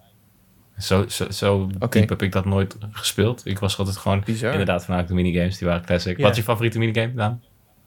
Ehm volgens mij is het, ik weet niet hoe precies hoe die heet, maar het is met, met Chansey volgens mij. Oh, met de eitjes. Ja. Ja, ja, ja. ja. Die is goed. Ja, ik, ik, had dus, ik heb echt een zwak voor die van Metapod. Dus gewoon alleen maar harden. De, maar je moet de hele tijd sneller timen. En oh, ik vond dat, als die kwam vroeger, dan wist ik dat ik hem ging pakken. Rattata want, verloor ik, want, ik, altijd. want ik heb een playthrough gedaan van Stadium zonder een cartridge. En het is belachelijk pittig. Oké. De meest bizarre uitdaging ooit, want het komt echt puur aan op zorgen dat je net een critical aanval krijgt in, in die Oh ja. gevechten. Dus dat is ook nog gewoon een klein beetje lukt. Stiekem. Nou, je kan Ja. je natuurlijk vol op je critical gaan zetten. Maar Ja. je kan natuurlijk niet drie keer een passive doen en dan hopen op die ene Ja. critical. Interessant. Ik, ik moet zeggen, dat maakt mij enthousiaster ervoor. Ik heb die moeilijkheidsgraad nooit op die manier zo beseft. Ja, Eh, ik heb dus Stadium nooit gespeeld, man. Dat is mijn geheim eigenlijk. Maar Colosseum wel, hem, eh, Colosseum ook niet. Ja? Ik heb alleen meegekeken bij, eh, bij vrienden vroeger. Ah. Ja, Zo, Ja, ja, dus ja, dit- ik, ik had heel erg heel met benieuwd. Colosseum. Dat, ik had hem ook eerst alleen bij een maatje en speelde zelf dan Pokémon op de Game Boy. En toen kwam ik daar en dacht wow, dit is echt insane. 3D geanimeerde Pokémon kon ik sowieso al niet voorbij. Dat was mijn babbeling voor me, of goggling, hoe je dat de fuck ook noemt. Maar Sure. eh, toen kreeg ik hem zelf en toen had ik hem zelf. En toen vond ik het eigenlijk een beetje tegenvallen. Toen vond ik de minigames heel erg leuk, maar de gevechten had ik zoiets van, waarom duurt dit zo lang? Het duurt lang, het zijn niet mijn Pokémon. En dat is altijd een beetje mijn herinnering daaraan. Eh, dus ik heb eigenlijk wel zin om die nog een keer een slinger te gaan geven. ja man. Ja, het ziet er leuk uit. Ik zit even... Oh, hier, kijk. Hè. Eh, Pilot Wings, Mario Party 3 en Mario Party 2. Nee, sorry. Mario Party en Mario Party 2 komen dit jaar nog. En volgend jaar komen Mario Party 3, Pokémon Stadium 1 en 2... 1080 en Excitebike. Dat is de verdeling. Dus eh, inderdaad, Pokémon Stadium komt iets later. Wie weet horen we dan iets meer over Game Boy games. Voor mij is dit een hot. Ja, ik vind het leuk Mm. dat ze deze games dat is wel interessant. 100%. Hot ook. Ehm, dan een game die ik volledig aan mijn geheugen heb gewist. Various Daylife. Zegt iemand iets? Deze game was oorspronkelijk een Apple Arcade game. Aha. Ah, oké. Ehm, dus dit was een van de oorspronkelijke Apple Arcade games toen de service lanceerde. Ja. Ehm, Een van de dag, dag één titels. Hij is verkrijg, trouwens verkrijgbaar in het Nederlands. Wow. Want, ehm, dat is leuk. want, want iets grappigs uit van Nintendo Arcade, wat ik dat kan ik vertellen, want ik heb toen destijds ook heel veel dingen voor Apple Arcade gedaan, voor games toen ik voor. Nintendo Oh, kwam. kijk nou eens. Ehm, ehm, Ne- Ne- Nederlands is een verplichte taal voor Apple Arcade in de eerste twee jaar. Dus- wow. Al, dus alle games die je op, van Apple Arcade op Mac, iPhone en iPad kan spelen, hebben standaard een Nederlandse functie. Wat gaaf. Die hebben allemaal Ja. lokalisering. Ja, Dat is fantastisch. Dat, en hier is, en hier is het nare ervan. Letterlijk minder dan 1% heeft Nederlands gebruikt. dat is sad. Dat is... Daar zit jouw harde werk ook nog eens in. Ik kan me voorstellen Ja. dat je hier slecht van slaapt gewoon. Nee, da- daarom. Het is, want zelfs Jammer de is dat. devices die Nederlands zijn, helft van die devices staat op Engels. Oh ja, ja, Dus ja, ja. ja. Het, ik moet zeggen, Ja. het verbaast me niet. Het is dat ik nu Ja. inmiddels eh, zet ik altijd wel alles op Nederlands waar mogelijk.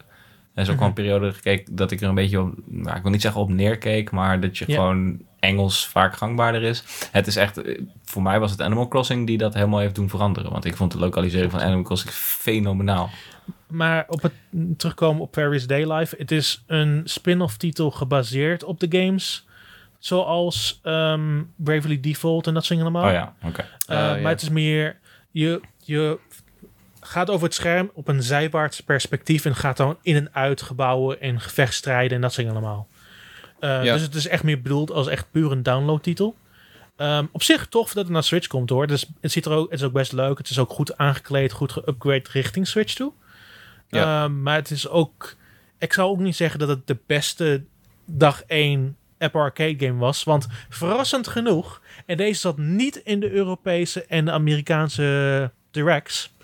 Um, dus Everybody Golf op PlayStation 4 was gemaakt door Clap Hands. Mhm. Um, Ja. Clap Hands maakte ook een golfgame voor Apple Arcade genaamd Clap Hands Golf. Die is toen ook op dag 1 uitgekomen. En die game was, zat in de Japanse direct vandaag. Oh, Wow, dat is echt heel vreemd. Ja, en die heeft gewoon al Engels en alle talen zitten al gewoon in de Japanse versie. Maar hij zat alleen maar in de Japanse direct. raar is dat weer, hè? Dat is, Hmm. het gebeurt Net als met Shinshin. regelmatig. Ja, ja, die was toen Japans, maar dat was de game die iedereen Ja. wilde. Maar het is letterlijk het, is get- letterlijk het gameplay systeem van Everybody's Golf op PlayStation 4. Oké. Hm, nou ja, we, hopelijk krijgen we die dan nog. Het eh, Everybody's Golf zijn toffe games. Ja. Eh, ja, Varies Daylife is voor mij een not. Ik vind Kan het wel een goede mee, titel sorry. voor een game, maar ik ga het wel een not geven.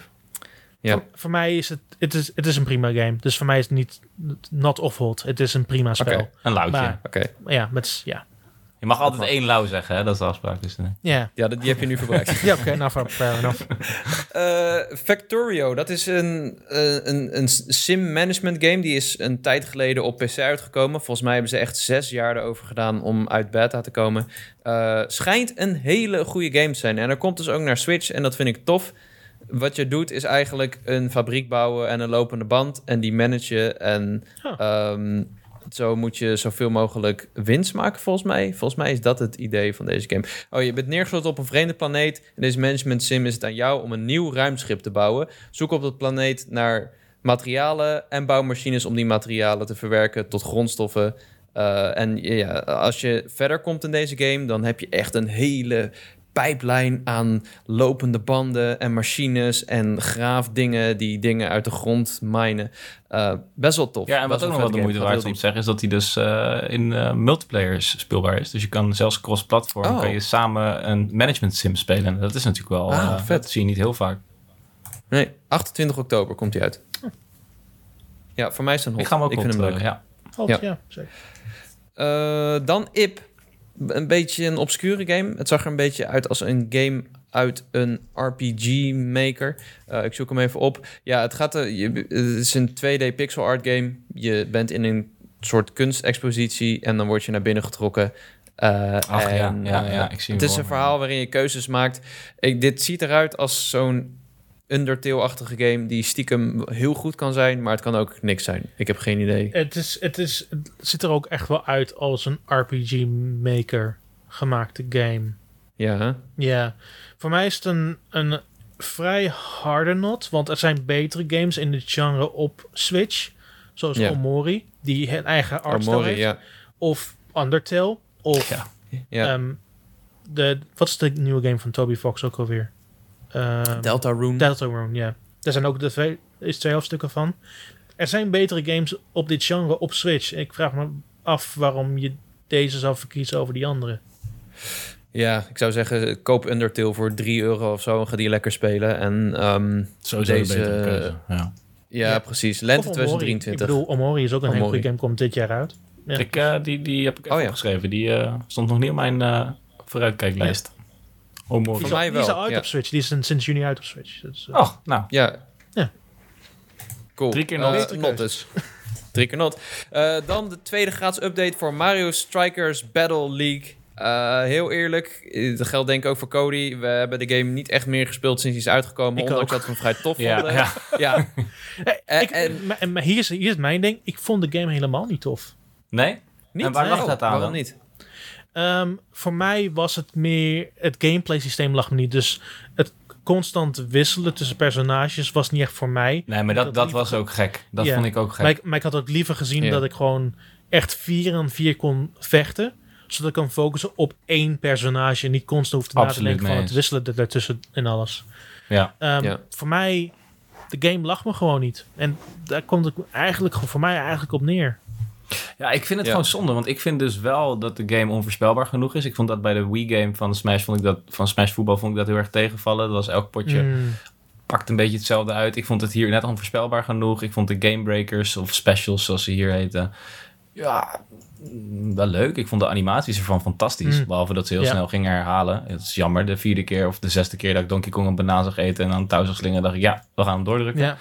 Uh, Ja. Maar bijvoorbeeld een Peach had super veel persoonlijkheid in deze game. En Ja. ja. ja, dat terwijl het nog wel van een second party studio vandaan komt natuurlijk. Uh, dus in dat Het zure voor ja. mij, ja. Het zure voor mij, ik heb hem op de dag van lancering heb ik hem gespeeld. Ik heb hem daarna meer aan geraakt. Wauw, dat is wel. eh, en, en dat. Ik vind dus ook dat Nintendo een beetje te laat is met deze uitbreidingen. Eh, je had in Ja. eerste week had je, eh, eh, wat was het, Rosalina geloof ik? Nee. Wie was de eerste DLC-personage? Daisy? Eh, Daisy Daisy. En- en, iemand anders.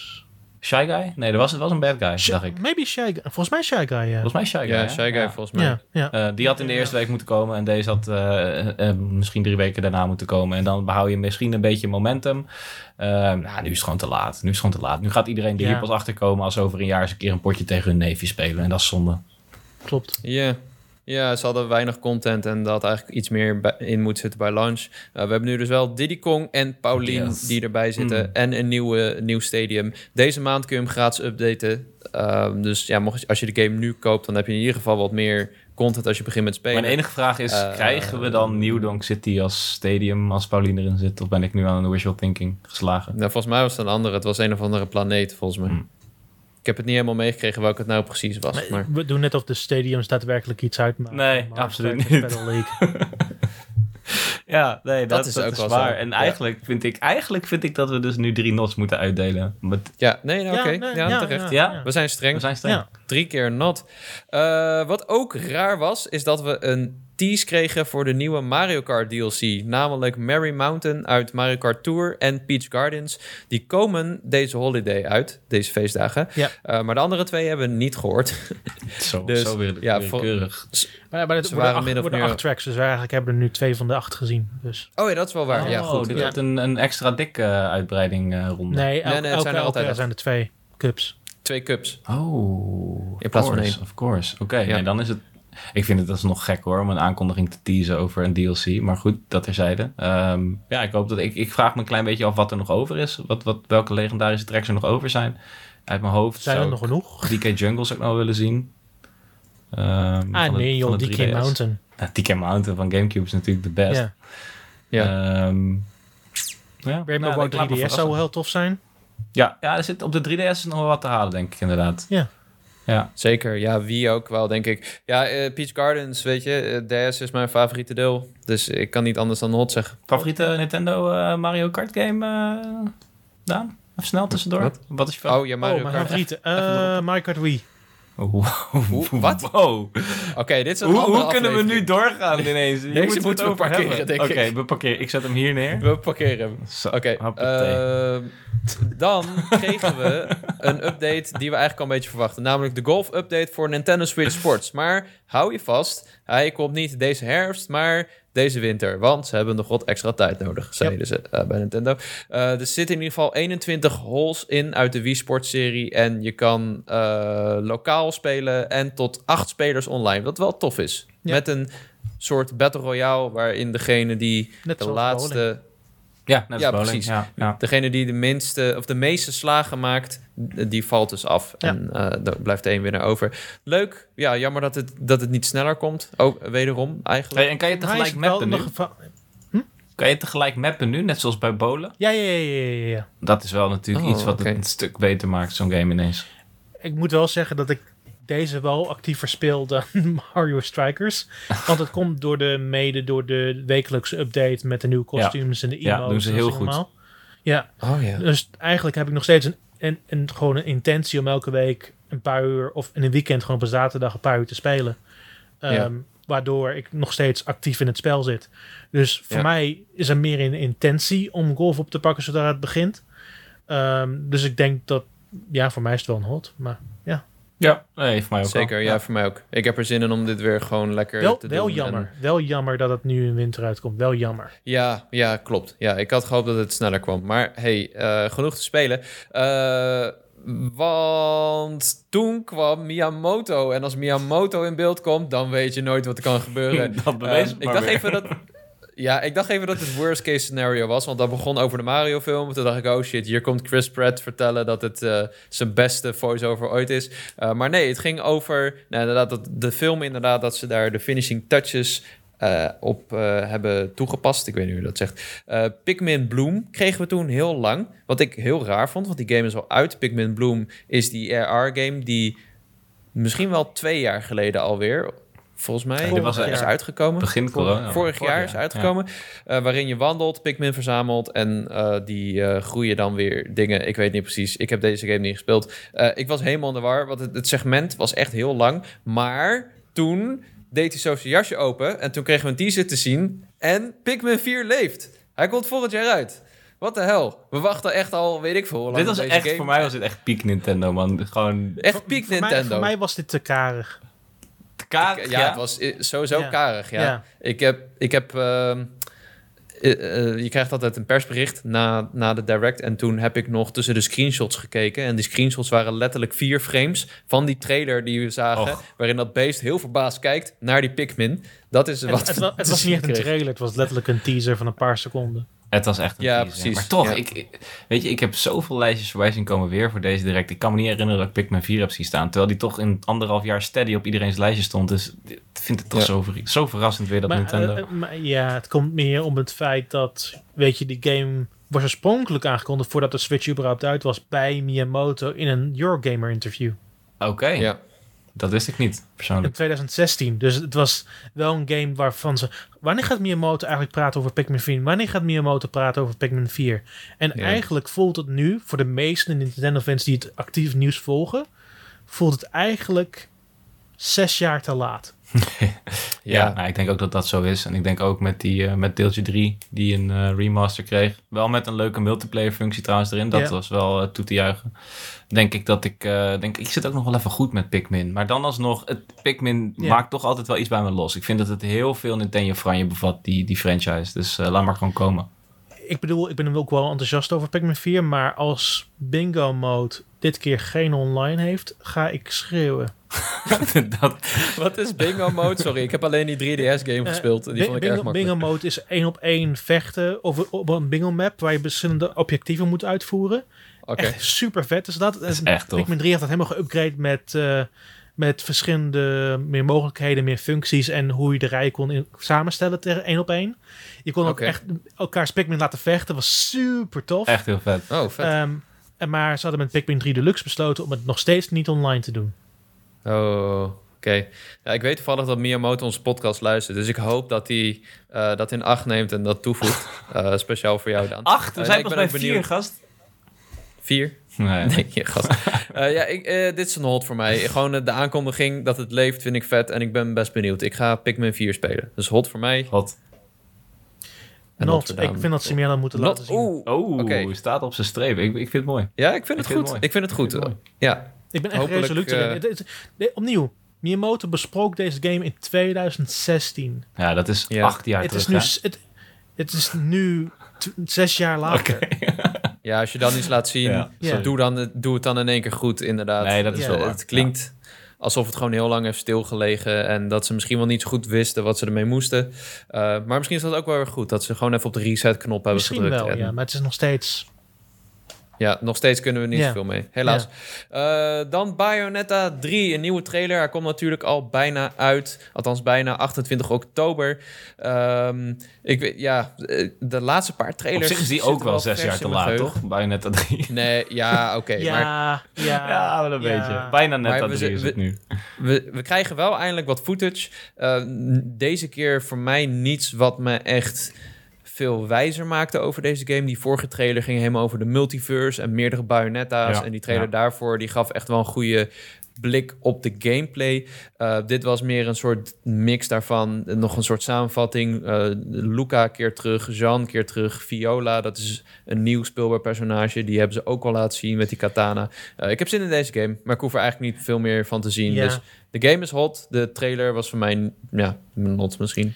Ja, we hebben wel in de screenshots eindelijk duidelijk de UI gezien. Wat, iets wat ze nog steeds niet hadden laten zien. Hmm. Ook niet in de- Oké. in de latere trailers. Ja. En de UI zag gewoon ja, goed uit. Niks mis Oké. ja. Was dat Ja. een zorg Ja. voor je? Jawel, ja. Want de laatste tijd is Platinum niet echt fantastisch in het nieuws. Ik bedoel, ze maken nog steeds wel hier en daar wel goede games. Maar ik bedoel, laten we terugdenken aan Babylon's Fall. Die Mhm. ook vandaag nu heeft aangekondigd dat ze de dienst gaan sluiten in februari. Oh ja, ja. Rip. Ja.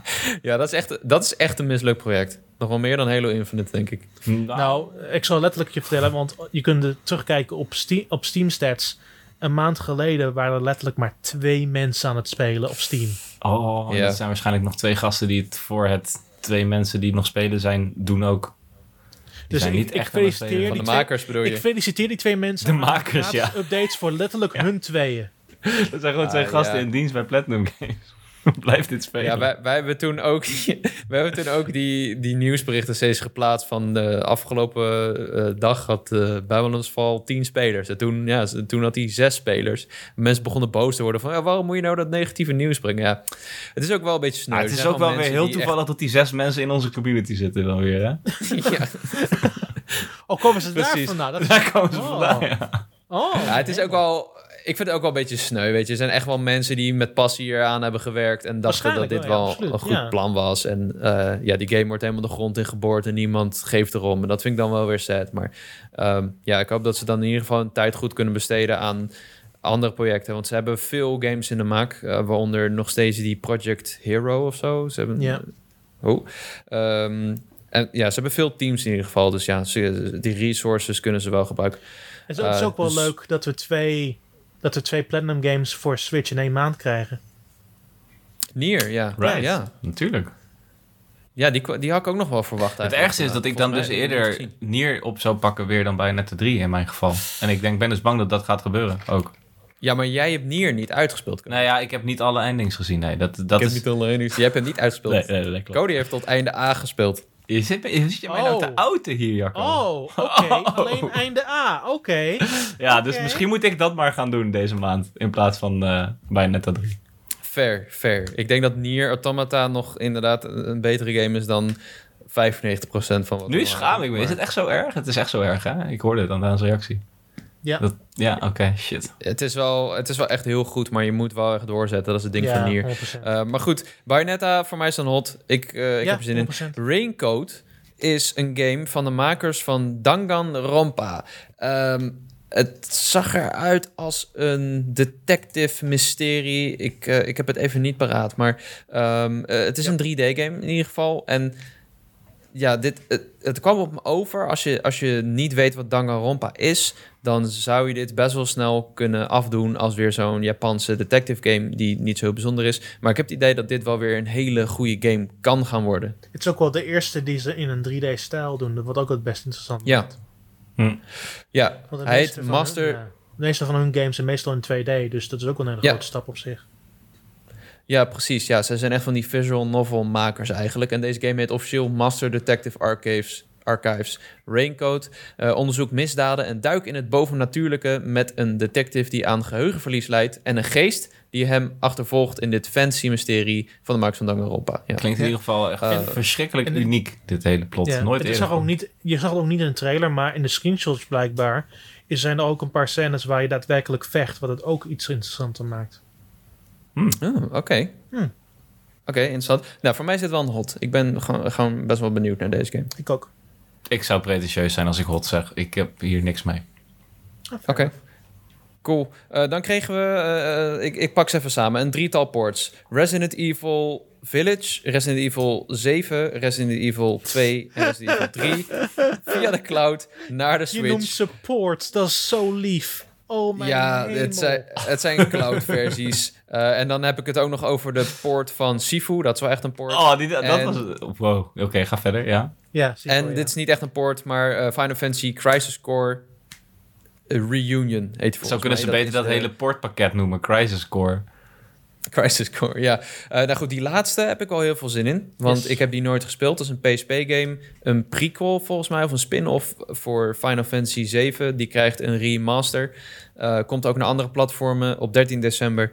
Uh, die wil ik heel graag spelen. Het zag er ook best wel goed uit in die trailer. Hmm. Sifu en Resident Evil. Ja, um, vraag me af of je dat wil op de Switch. Zeker Sifu vond ik er niet goed uitzien. Sifu zag er niet goed uit. Nee, het zag er niet goed uit. En nee. Want nieuw, het is niet bedoeld voor ons die meerdere platformen. Het is bedoeld voor mensen die puur op Switch Ja. spelen. Sure, maar dan... En voor hun, voor hun is het hartstikke prima. Ja, dat weet ik dus Ja. niet. Ja. Ik vind de knoppen, Nou. de, de, de, de besturing en de combat van Sifu luistert zo ontiegelijk nauw. Dat ik me afvraag Ja. of je daar met je Switch controller, een Switch Pro controller daar gelaten, daar ga je het prima mee redden. Uitstekende controller. Ja. Maar in Joy-Con ga je toch vingers tekort komen, denk ik. Het lijkt me gewoon Ja. niet echt een Ja. fijne ervaring. Het is echt... Nou, ja. Wat vind jij, Jacco? Maar ook die 30 fps, man. Deze game is heel vloeiend. En eh, Klopt, het, het luistert zo nauw naar je hele positionering van je voeten... en je gevechtsafstand en Sure. eh, de combo's die je inzet. Ehm, ik, ik denk dat je die, die vloeiendheid wel nodig hebt. Dus ik hoop voor mensen die deze game oppakken op Switch. Dat het, dat, dat ook echt goed overkomt. Eh, maar ja, dat weten we pas als die uitkomt. Dus ja, ja. eh, eh, Ja. Sifu voor mij not. Not. Ehm, Ja, sure. Resident Evil not. En Final Fantasy Crash Core een hot. Yes. Eh, ja, ga ik ook mee. Ja, Eh, dan pak ik nog even de laatste paar kleine titels samen. Althans, Radiant Silver Gun, Endless Dungeon en ehm, Tales of Symphonia en Kirby Return to Dreamland. Misschien moeten we die eerste paar even eh, behandelen. Radiant Silver Gun is een port volgens mij van een oude Yes. shoot 'em up. Het zegt mij in ieder geval niks. Het is een van de meest geliefde shoot-em-ups. Wow. Oh, oké. Ja. Een arcade game zie ik. Yep. Ja, Waar kwam deze origineel op uit? Of zei je dat net? Sorry. Arcade. arcade. Arcade, oké, cool. Ja. Ja. Zag er geinig uit, maar niet voor mij. Ik, ik ben er wel in geïnteresseerd om het te hebben op console. Ik ook wel. Ik hou van shoot'em ups over het algemeen. Dus ik wil hem wel checken. Cool. Eh, Endless Dungeon, dat is een port van een, eh een roguelite, die, waar ik wel goede dingen van heb gehoord. Het is een co-op game van bovenaf. Je speelt volgens mij in gasten, ze hebben een soort mechs aan, of in ieder geval dikke pakken. Yes. Eh, en je schiet je door eh, een weg door allerlei monsters. Klopt. Ja, Kijk, eh, hoor. niet, Ik heb even de trailer erbij gepakt. Wat gameplay erbij gepakt. ja, het, het voelt een beetje als Space Marines. Ziet er wel tof uit, man. Het, eh, ja, man. Hmm. Het vibe wel op zich. Jij niet, eh Ja. Daan? Ja, ik, vind het prima. 100%. Ja, prima port. Ja, het zegt me niet zoveel, dus ja, ja. daarom. Ja, joh, geef een hot. Ik heb geen mening. Ik geef een hot. Cody geeft Ja. een hot. Oké, je gaat hem reviewen. Ah. Eh, Tales of Symphonia Remastered zag eruit als een vrij oude game. Het was het ook. Hier is het ding. Oorspronkelijk kwam deze game uit op Gamecube. En de models... Ah, Oké. Dus over de laatste periode heeft Bandai Namco heel veel ports gedaan. Ehm. Ze hebben Klonoa gedaan. Wat ook best wel als het origineel uitzag. Mhm. En Repack. Waar ze het hele systeem van nul hebben opgebouwd. En er nieuwe bugs in kwamen waardoor het niet echt fantastisch was. Hier hebben ze een nieuwe weg gekozen. Ze hebben gewoon de game eigenlijk alleen maar in widescreen gedaan. En voor de rest met AI geupscaled. Want de models zien er nog steeds uit als de Gamecube models. ja. Ja, het zijn een beetje luie, luie remasters zijn dat. En dat zag je ook wel heel erg aan die trailer. Eh, die, die Tales of-serie is natuurlijk heel oud. En eh, ze hebben wel eerder remasters ook gedaan, volgens mij. Ja, er Volgens zijn ook gewoon moderne games van de serie, zijn gewoon op andere platformen. Ehm, ze, Ja. ze hadden ook een, een hele goede remaster gedaan een paar jaar terug op alle consoles. Dus ook op Xbox, op PlayStation en op Switch. Ja. Ehm, maar deze voelt zo knullig. Hm. Gewoon alsof je het eigenlijk... Het, want het is de meest geliefde game in de Tales-serie, by the way. Symphonia is de meest Oh, populaire games in, in de Tales-serie. Maar ze hebben eigenlijk gewoon gekozen om het alleen maar met AI te upscalen en dan in widescreen te zetten. En oké, we zijn klaar. Terwijl dat vind ik zo'n frappante keuze. Want juist bij dit soort titels heb ik het idee dat je het echt doet voor je bestaande fanbase. Of voor je bestaande eh, spelerbase. En dat zijn juist de mensen die het doorhebben, toch? ja. En, en het zijn, denk ik, doorgaans ook mensen die graag op originele hardware spelen. Dus aparte keuze. Ik vind het echt heel vreemd. ja, sorry Bandai en Not. Ja, not. Ja. Ik vind dat je lief bent door je Eh, altijd eerst te verontschuldigen. En je weet natuurlijk dat ze luisteren. Dat vind ik wel... Ja, ja. Ja, precies. Oké, goed. Dan, dan nog één laatste eh, remaster slash port deluxe versie. Eh, dat, deze game is Kirby Return to Dreamland Deluxe. Hij komt op 24 februari uit. Eh, weet je wat het is met deze game? Ik ben niet meer geïnteresseerd in 2D Kirby na de Forgotten Land. Ik, ik hoef het eigenlijk niet meer. Ik heb genoeg 2D Kirby's gespeeld. Ik keek even snel op Metacritic tijdens de Direct. Ik zag dat deze een 77 kreeg. Eh, best aardig, best aardig. Eh, dat geef ik toe. Ik, ik, vind het, Maar- ik vind het wel verrassend dat ze het nu de Amerikaanse naam hebben gegeven. Hmm. Want wat... Want Is hier er is een het ding. andere naam? Want, want eh, in Europa stond deze game bekend als Kirby's Adventure Wii. Ah, Right.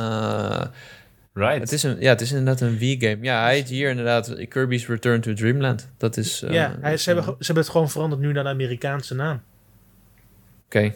Ja, Want dat kwam goed. nog uit de periode waar Europa en Amerika soms andere namen kenden voor software. Ja, ja. Ja, En, Ik ben wij, en ze hebben letterlijk gewoon gekozen om het niet Kirby's Adventure Deluxe te noemen. Nee, ze noemen het gewoon nu Kirby's Adventure Dreamland. Gewoon de Amerikaanse naam van het spel. Oké, Ja. nou, dan zou je misschien kunnen zeggen dat die game in Amerika het iets beter heeft gedaan dan in Europa. Ehm, Ja. Wellicht. Maar ik ben het wel een beetje met je eens, Jacco, die 2D Kirby games. Ik ben het niet helemaal met je eens, want ik revisit nog heel graag Kirby op de SNES bijvoorbeeld. Vind ik super leuk. Maar ehm, ja. zeker bij deze game, ook als ik die gameplay net weer eventjes zag, het is zo ver ingezoomd. Eh, je, je personage, en als ik het goed zag, kan het ook multiplayer. Je personage neemt al volgens Ja. mij 1 vijfde van je beeldscherm in. En verder is het heel claustrofobisch. De gangetjes zijn heel klein. Het is heel ver op het level ingezoomd. Wat natuurlijk Kirby kenmerkte voorheen. En met de originele games. Met de oudere games. Ehm, en nu we inderdaad Forgotten Land hebben gehad. Voelt dat nog ouderwetser voor mij. Hmm. Wat, wat me een beetje stoort aan deze remake, want ik vind het wel prima, want ik vond het altijd wel een heel leuke game. Ehm, en vooral in co-op is hij fantastisch. Eh, De Wii-era qua platformers waren echt fantastisch voor lokale co-op, zoals met New Super Mario Bros. Wii in deze game. Ja, Ja, ja. En, En, en, en deze, deze, deze game is, is daar echt heel goed in. Veel beter dan die op eh, Switch uitkwam. Dat wel je heette Kirby Star Allies. Ja, ja. Die, het level design was daar veel meer geschikter voor. Eh, wat me een beetje stoort aan de remake, want de weg achtergronden zien er echt heel goed uit, maar om de personages zit er een hele vreemde zwarte border. Ja, daarom dacht ik dus eerst dat het een 3DS-game was. Want het deed me heel erg denken aan die, ehm, die Super Smash voor 3DS. Die had ook een beetje zo'n cartoony, dikke zwarte rand om het een beetje... Ja, eh, de, die kartelrandjes een beetje te verbergen. Da, da- ja, dat viel me ook op inderdaad. Ik weet niet waarom ze dat doen. Misschien ook om de kartelrandjes te verbergen. Maar ik bedoel, hè, het is een Switch. Je kan iets van anti-aliasing toepassen of zo. Eh, ja, ik vraag me af waarom ze dat hebben gedaan. Hm. Ik weet niet, ja goed. Eh, ik moet eerlijk zeggen, dit is voor mij een, eh, eh, een not, toch? Omdat ik, ik denk niet dat ik hem ga spelen. Ik denk niet dat ik eh, het geduld ervoor ga opbrengen. Zeker volgend jaar, wat stampensvol zit met games. Ehm, zit- na Forgotten Land, ik wil gewoon een nieuwe 3D Kirby. Want ik vond die fantastisch. Ik, ik vind deze wel erg tof, dus ik ben wel blij erover. Ik, ehm, ik ga mijn lauw inzetten. Ik, ik, heb, ik weet het gewoon niet. Oh, je hebt je lauw ik heb mijn lauw nog. Wil je het niet voor die laatste bewaren, Cody? Want jij was een beetje zuur. Oh, kut. Eh, nee, nee, nee, Oké. nee, nee, nee, ik Oké, ga- oké, nou, daar gaan we, daar gaan we. We waren een beetje, Cody en ik hebben samen gestreamd en we waren een beetje... ehm, we hoopten dat er nog iets tofs kwam en dat ene, dat, ja, dat moest dan wel Zelda zijn. En hè, hè, eindelijk weten we in ieder geval de naam en de release datum van het vervolg op Breath of the Wild. Hij heet The Legend of Zelda Tears, Tears of the Kingdom. Hij komt op 12 mei volgend jaar uit. We hebben een trailer gezien die begon met een aantal hieroglyphen en een eh, wat gameplay. Ehm, Ik moet zeggen, die subtitel, ik begrijp wel dat ze die niet op de dag van het overlijden van de Ja, dat koningin wou ik, dat wou ik dus ook, ook gaan zeggen. Ah shit. Daarom hebben ze ah. het niet laten gestreamd, ja. Ja, ik, snap, ik het wel. Kingdom, ik kan me Ja, ik snap hem. voorstellen. Straks denkt iedereen dat Zelda dat heeft gedaan. Ja, precies. Ja, het was e- eerst zo van, ja, kom op nou, Nintendo, gaan er niet zo zeuren over dit, dat de Queen is overleden. Hè, als het maar niet op dezelfde dag is, dan is het prima. En nu heeft iedereen die naam gezien en denkt iedereen, oké, ja, ja, ja, ja, ik snap, ik ik snap snap, het het nu wel, ik snap het nu wel. Los daarvan, ehm, de, de naam moet ik nog gaan wennen, maar dat had ik ook bij Breath of the Wild. Tears of the Kingdom, denk ik eh, dat het steeds lekkerder gaat bekken, naarmate je het vaker zegt.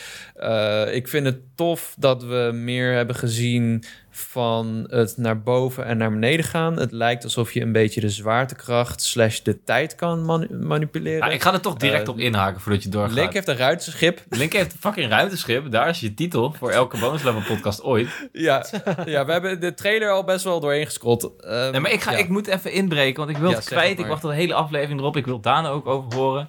Mhm. Het is toch wel gewoon allemaal open wereld, die tweedeling tussen boven en onder. Het is toch zeker niet zo dat je voor missies of voor opdrachten of voor shrines of voor whatever naar de bovenwereld gaat. Natuurlijk, daarom, daarom zijn ze er ook zo lang mee bezig geweest. Ik ga me er echt wel vanuit dat het echt Ja. één, weer op, één open wereld is. Ik denk wel dat sommige dingen weer afgesloten zijn van wat je misschien zag in Breath of the Wild. Dat Mhm. je misschien naar niet bepaalde plekken kunt. Wegens misschien verhaallijnredenen. Maar ik denk Mm, wel ja. dat ehm, hoe ze het hebben gedaan, is dat je helemaal van boven weer naar, van beneden naar boven kunt en dat soort dingen, vice versa. Ik denk dat ze daar een beetje op focussen, heb ik het idee. Oké, nou als dat seamless is, dan zijn mijn zorgen weg. Want ik ben echt heel erg bang voor... Het is een beetje het Skyward Sword syndroom, I guess. Dat, dat vliegen Ja. op dat vogeltje was ik na drie uur toch compleet zat, jongens. Ik heb daar toch helemaal geen zin in. Ik wil zelf de keuze kunnen maken wanneer ik naar de grond ga. Zelf kunnen bepalen wanneer ik omhoog ga. Ik wil ook niet dat dat Mm. tussentijds wordt afgesloten... omdat er een evenement plaatsvindt beneden of iets dergelijks. Dat gevoel van Breath of the Wild moet erin blijven.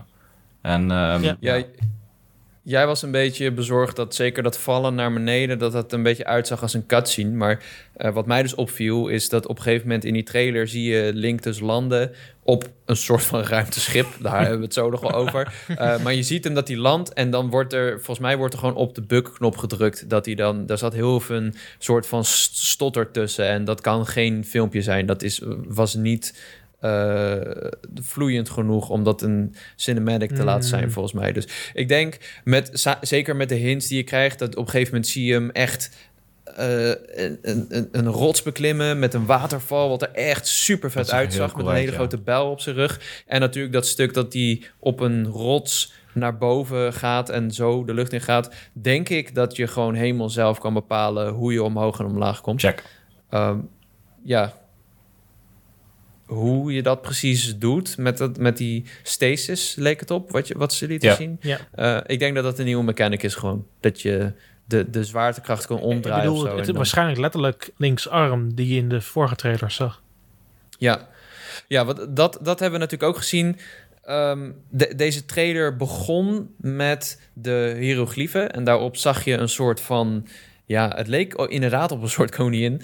Eh, in ieder geval een vrouw of zo met een jurk en een soort grote eh, krans op. We zagen een We gevecht zagen een met gevecht, allemaal... ja, een slagveld met, eh, met bokoblins en moblins aan de rechterkant en aan de linkerkant Mhm. waarschijnlijk Hylians. Eh, ik- Of Rito, want het leek of op Rito, zou ook kunnen inderdaad, dat het Rito was. Die hadden in ieder geval... Ja, nee, het waren wel, denk ik wel highlights. maar je zag geen, dus schild. de schilden hadden niet de, de, de kenmaak, de, de heralgrieven, hoe dat heet het ook weer, heraldieken. Heraldieken, dat zijn eh, Hmm. schilderingen op eh bepansering, dat noem je in het specifiek eh, Ja. heraldieken, eh, van Hyrule. Eh, dus dat viel mij wel op. Het kan natuurlijk ook een oude gevestigde orde zijn geweest, maar goed, als je Zelda Het zag eruit betrekt- als vogels. Ja. Uh. Maar je zag, je zag in ieder geval dat die, die battlefield was uh, aan de onderkant rood, waar gevochten werd. En bij Ja. waar nog genoeg mensen stonden of Rito stonden, was dat niet zo. Um, of elfen stonden natuurlijk. Dus het lijkt erop dat die blight zich aan het verplaatsen is en dat wij daarmee te maken gaan krijgen. Ja, precies. En waar ik dus naartoe wilde is... op een gegeven moment zag je ehm, uh, ook een, een, een deel van, van de hele plaat... die je dan later ziet bij het logo. En dan zie je dat Zelda eigenlijk haar armen kruist met die queen. Uh, en daaromheen, om die queen, zie je dus waarschijnlijk de tears. We hebben er zeven geteld. En als je naar Link kijkt in die trailer... heeft hij een soort heuptasje bij zich... waarin hij een aantal blauwe, groenige flesjes draagt. En die heeft hij eigenlijk overal in de trailer... Ja. en ook in de key art bij zich. Dus ook het idee dat er soms meer of minder zijn. Ja, ja maar dat, ik denk dat je ze gewoon verzamelt. En als je er eentje hebt, dat je die dan bij je En dat zijn natuurlijk de Tears of the Kingdom. Dungeons. Oh, ik dacht dat je zei de Dat dungeons. zijn, de, denk ik, de, de, de, de tempels en de tears die je daar dan verzamelt. Ja, de Tears of the Kingdom. Ja, dat zou, dat zou het doel van de game kunnen zijn. Maar met, ik, ik kan het nog slecht rijmen, man. Ik, met die arm van hem en de, de hele boven en onder. eh, Maar gelukkig hebben we vandaag de week te gast in de studio. Het orakel. Daan, ja, heb jij een theorie of zo? Eh, ben jij hier wijzer van geworden? Niet bepaald, helaas. Oh, nou ja. Nee, hè? Ehm, het, is, het, het is een rare opsprong van vaardigheden die we in de afgelopen trailers hebben gezien. Eh, Ja. ik, ik heb wel het idee dat die E3-trailer van vorig jaar heel erg focuste op het feit dat, dat je in de lucht kan. Dat je in de lucht kan zijn. En dan Ja. de trailer daarna focuste vooral heel veel op de elementen die speelden met de arm. Ja. Ehm, Klopt. nu heb ik het idee dat ze gewoon stukjes en beetjes uit de context laten zien. En dat dat dan Ja. later, als de game samenkomt, dat, dat het dan allemaal in het hoofd klikt van... oh, het werkt op deze manier. Maar Ja. gezien de game nog niet echt dichtbij is... want hij komt pas in mei volgend jaar uit... Ja. dat, die, dat ze echt st- stukjes pakken die een, een indruk maken of ehm, het, de mind een beetje triggeren. Dat van, oh, dus dit zit erin, dit kun je doen, dit is er mogelijk, dit misschien. En dat je dan over gaat, gaat speculeren en over nadenken. Ik denk dat daar echt specifiek voor gekozen is. Hm. Zodat er eh 20.000 podcasts de dag erna online komen met de titel... Zelda heeft er... Oh, ja, in dit geval eigenlijk ik moet wel zeggen, ik ben heel erg onder de indruk. Want er zijn dus... ehm, dat heb je met elke game. Van die nieuwspagina Twitters die constant alles posten van alles van die games. Mhm. ja. Ehm, letterlijk, een, één minuut na de trailer. En ik keek naar de, hun, hun, hun tags. Hadden ze meteen hun naam veranderd naar, naar de nieuwe naam. of course. ja, die zaten klaar met een heel team natuurlijk. Ik wil wel graag van de luisteraars weten, laat even weten in de Discord. Wat was nou de betere naam geweest? Is het Kingdom of Tears? Is het Ganon's Demise? Of was het toch Age of Duality? Want dat zijn de drie titels die we natuurlijk de revue hebben gepasseerd zien worden. Het is Tears of the Kingdom geworden. Breath of Duality was de Breath of Duality, sorry. Ja, ja. Ja. Ik vind uh, Ganon's Demise nog steeds het beste. Maar goed, het lijkt erop dat deze game niks met Ganon te maken meer gaat hebben. ja, ik weet het niet meer, man. Ik, heb- ik weet ook niet Ja, zo goed wat ik opnieuw. moet met die Queen. Ja, opnieuw, ze laten stukjes uit, uit of context zien. Ook met die eerste trailer toen met Ganon. Ja, En, en dan dat kleine beetje toen ze de, de delay aankondigden met de Master Sword dat het helemaal kapot was. Ja. En ze, ze laten echt clues achter. Maar die clues kun je niet echt op een goede manier samenvoegen naar een heel geheel. En opnieuw, Ja. dat is ik het dan, denk ja. echt dat ze daar specifiek voor kiezen tot ergens volgend jaar. Tot ze echt een hele dikke trailer laten zien. Ja. Ja, echt zo'n story trailer inderdaad, waarbij je gewoon eh, een beetje de losse eindjes aan elkaar knoopt. En ja, ik bedoel, het is nu vervelend dat we niet, niet, nog steeds niet zo goed weten wat de deal nou met deze game is. Eh, maar eigenlijk wil ik ook nog helemaal niet weten wat nou precies het verhaal gaat zijn en zo. Eh, ik, vind, ik vind het tof dat we in ieder geval, we hebben wel veel hoogteverschil gezien in deze trailer. Ja. We, we, dat, dat vond ik echt heel cool om te zien. En ehm, die, die key art vind ik ook echt prachtig. key art is Link Briljant. Hmm. Echt ja, en dat is ook de box art trouwens. Je ziet hem op een rots met wat gele blaadjes ervoor. Maar kijk, Link Ja, ook. Je ziet hem Hij is, Hij is volwassen, hij man. heeft hier shit meegemaakt, groot man. geworden, deze Dit is niet fucking eh, Link uit de Kokori Forest. Dit is gewoon, nu is het gewoon menens. Het is aan. Is het, is, is, het, is het ook raar dat er in sommige delen van de trailer hij de meer de klassieke outfit draagt en andere eh, stukjes in de trailer het lange haar weer heeft? Dat is mij nog niet per se opgevallen. Dat is, dat is zeker Ja. opvallend. De outfits zijn me wel opgevallen, maar ik ging ervan uit dat het gewoon was omdat die... ehm, dat je gewoon je outfits kan verwisselen in deze game. Nee, ik denk, het is echt heel raar dat het compleet anders is tussen twee shots eigenlijk.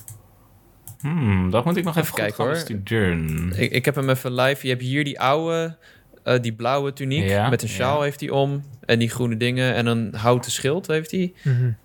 En dan duikt hij naar beneden. En hij valt. Ook die Harel Dieke herken ik trouwens niet op dat schild eh, van, van Link. Nee. En hier heeft hij dan weer een soort van, ja, echt een, een, eh, meer een toga aan met van die slippers. Klopt. En die bel, vind ik heel cool. Of Mhm. een boomstam.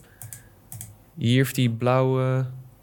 Hoe dan ook, die ik denk, die ik denk dat er toch wel, wel, wel wat speelt daar, maar opnieuw, dat is compleet out of context. Je kunt het niet in een goed overzicht plaatsen. Nee, nee.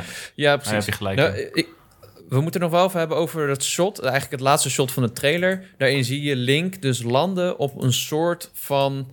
eh, het lijkt op een soort van ja, ruimteschip, een soort van vliegtuig. Het heeft vleugels, eh, maar in de, daarachter, in de verte, dat zag ik later pas, dat zei Cheert in onze stream, dat je op die berg daar, die rots, zie je een groene draak. En die draak, die zit ook heel erg in het logo. Dat is... ehm, Hmm. Iets wat ons later nog opviel. Het logo is namelijk The Legend of Zelda, Tears of the Kingdom staat eronder. Maar daarachter zit een lichtgroene cirkel Ja. met eigenlijk twee draken die ehm, Ja. ja. of langs elkaar draaien of elkaar in Beetje in de het thema, in de, in de feel van de, de Sheikah, zeg maar. Van de Sheikah Slate en zo. Diezelfde digital codering. En ook het zwaard dat door de zet van Zelda Ja. heen steekt. Natuurlijk zoals altijd. Breath of the Wild was Ja. die overgroeid. Eh, we hebben het over gehad vorige week. En die is hier voor de helft eh, ook in die soort van... Ja, wat is het? Ja, van de bovenkant lijkt hij inderdaad kapot. Of in ieder geval zwart, geroest, geblakerd. Mhm. En dan de- als, als hij door de zet steekt, is hij, ja, hoe noem je dat? Groen, digitaal. ja, digitaal. Ja, zo zou je het kunnen noemen. Ja. Of corrupted. Gerudo, Gerudo techniek, ja. Ja, ja, Ja. ja. van de, ja, dus dat is wel, eh, is wel heel interessant. Ik, vind dat, ik vond het wel heel leuk ook aan eh, Breath of the Wild. Die hele Sheikah technology en die ontwikkelingen daarvan. En weet je het gevoel Ja, dat je net als vroeger had natuurlijk met Egypte. Was daar nou al technologie? Oh, joh, joh, speculatie. Heel leuk vond ik dat. Dus ik, ik ben er wel excited voor, man. Dat ze daarop doorpakken. Ja, vooral, Ja. Met de, vooral met de arm nu in plaats van een Sheikah Slate. Want ik denk dat de Sheikah Slate in deze niet echt een rol speelt. Nee, Ik denk nee, dat alle nee. functionaliteit echt van die arm komt. Ja, ja. Wel vet. Ik vind die armen echt heel cool uitzien. Mhm. ja, ik ben gewoon knijter benieuwd, man. Ik kan, we kunnen nog twee afleveringen hierover vollullen, maar...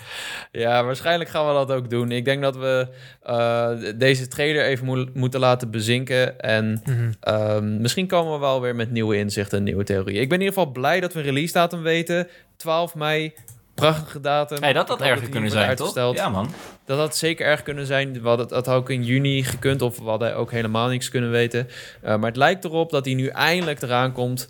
En eh, dat we volgend jaar eindelijk de volgende Zelda gaan spelen. Tears of the Kingdom. Ehm, ja, ik neem aan dat dit een hot is. Ik weet het niet, man. Drie Als de, als de aankondiging de titel, de subtitel is, dan weet ik nog zo net niet Ja. of ik die hot vind, eerlijk gezegd. Ehm, Mm, Weet je? nou, Cody, kom Ah, Je bent echt een zure Ik moet gewoon denken aan de onthulling van de titel Twilight Princess. En toen dacht ik, wow, wat is dit voor magisch iets. Wow, realisme, holy shit. Majora's Mask, ja, het is wel jammer van het spel Twilight Princess, maar ja. Misschien een beetje, maar ik hou van Twilight Princess trouwens. Shout-out naar jou, Twilight Princess. Ik hou ook van Twilight Princess. Maar, ehm, ik, ik, ik vind Twilight Princess niet een geweldige game. nee? Oh boy, oh boy. Nee. Ja, dat, dat- hebben we het wel ik schrijf even naast eh. Mario Kart Wii als favoriete Mario Ja, ik Kart. bedoel, ik bedoel, als, je ooit, als je ooit mij vraagt over hot takes, ik geef je een hele reeks aan hot takes hoor. Oké, ik, ik ruik een vervolgepisode een keer met Daas hot takes. Sure, ja. Ja. Waarom niet? Lijkt me superleuk. Lijkt Ja. echt superleuk. Ik, ik denk dat we eh, deze direct moeten afronden. Eh, wat we altijd doen aan het einde van een hot or not, Daan, is eh, we kijken naar wat voor temperatuur het is en wat voor kleding we dan aantrekken. En afhankelijk daarvan beoordelen we de direct. Ik vond het een tegenvallende direct. Ondanks Zelda, ondanks Fire Emblem, ondanks, laten we zeggen, Pikmin.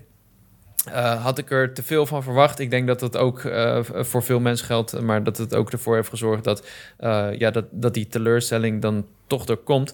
Ehm, dus ik ben bang dat ik ja, een, lange broek aantrek, Poeh. een shirt en een dunne trui. Een truitje en een Zeg lange maar- broek. Nou, dan heb je eigenlijk dan ja, heb jij niet ik genoten. zou zeggen, nee, ik denk zeg maar 16, 17 graden. Dat is, eh, Mhm. dat is een beetje de kleding die erbij past. Ik denk dat, dat, dat ik daarop neerkom. Leuke, ja, ik ben heel blij met Zelda, maar voor de rest viel het toch wel een beetje tegen. Hmm. Voor degene zoals ik, die niet zo van Japanse games zijn. Pak jij hem over of pak ik hem over, Daan? Maar jij mag eerst. Oké, ja, kijk, het is voor mij ook, eh, het is wel, het, kijk, laat ik zo zeggen, ik, ik heb een lange broek aan, maar ik ga wel in een shirt naar buiten. Ik ben sowieso niet echt zo iemand die als het een beetje weer is een trui aantrekt. Ik denk rond de 20 graden. Eh, 20? Oh, ja, dat is redelijk, maar het is, het is een beetje benauwdig ook. Dus ik heb een lange broek aan en een shirt. En de zon, die komt af en toe, zo door de wolk, ineens zo stijf in mijn gezicht. En dat is dus precies de reden waarom ik zo'n tennispetje opzet. Niks aan de achterkant, maar wel hier zo'n kleppie. Eh, Voor als Tears of the Kingdom even in mijn gezicht komt schijnen, zo, ping, ah, dan heb je in ieder geval die pet. Ja. Daarom. Die ongeveer. dus ik zou zeggen 20 graden lange broek, shirtje en zo'n tennispetje. Oké, Ik, ik, weet, ik weet niet precies hoe, waarop ik moet inzetten. Ik vind, het, ik vind het echt een hele moeilijke metafoor voor mezelf. snap het.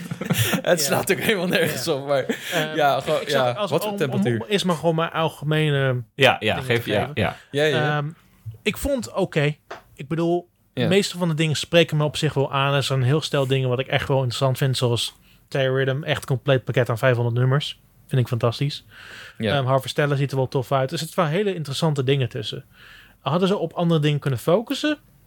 Ja, dat had absoluut gekund. Ik vind dat ze hier en daar wel hebben, echt wat steken hebben laten vallen. De, de Direct focus- focuste te veel op een paar Japanse bedrijven en Ubisoft. Mhm. Buiten de Nintendo dingen om. Ehm, En ik had meer een scala aan titels verwacht. Ook al was het niet zo heel veel van Nintendo. Iets meer van een scala wat er uit, wat er uit is of eraan komt. Had het misschien iets beter uitgepakt. Ehm, over het merendeel, ik zou zeggen, iets van 7 uit de 10 dingen ben ik wel geïnteresseerd. Ja. Ehm, Maar ik vind dat op sommige momenten ook dat ze net, net te weinig hebben laten zien. Of net die onjuiste dingen waar ik geïnteresseerd in ben. Ehm, dus voor mij voelt het een beetje echt in het midden. Niet het allerbeste wat het kan zijn, ook niet het allerslechtste. Het zit letterlijk op het midden. Beetje zoals de Mm, herfst, dus misschien... misschien- zou je zeggen.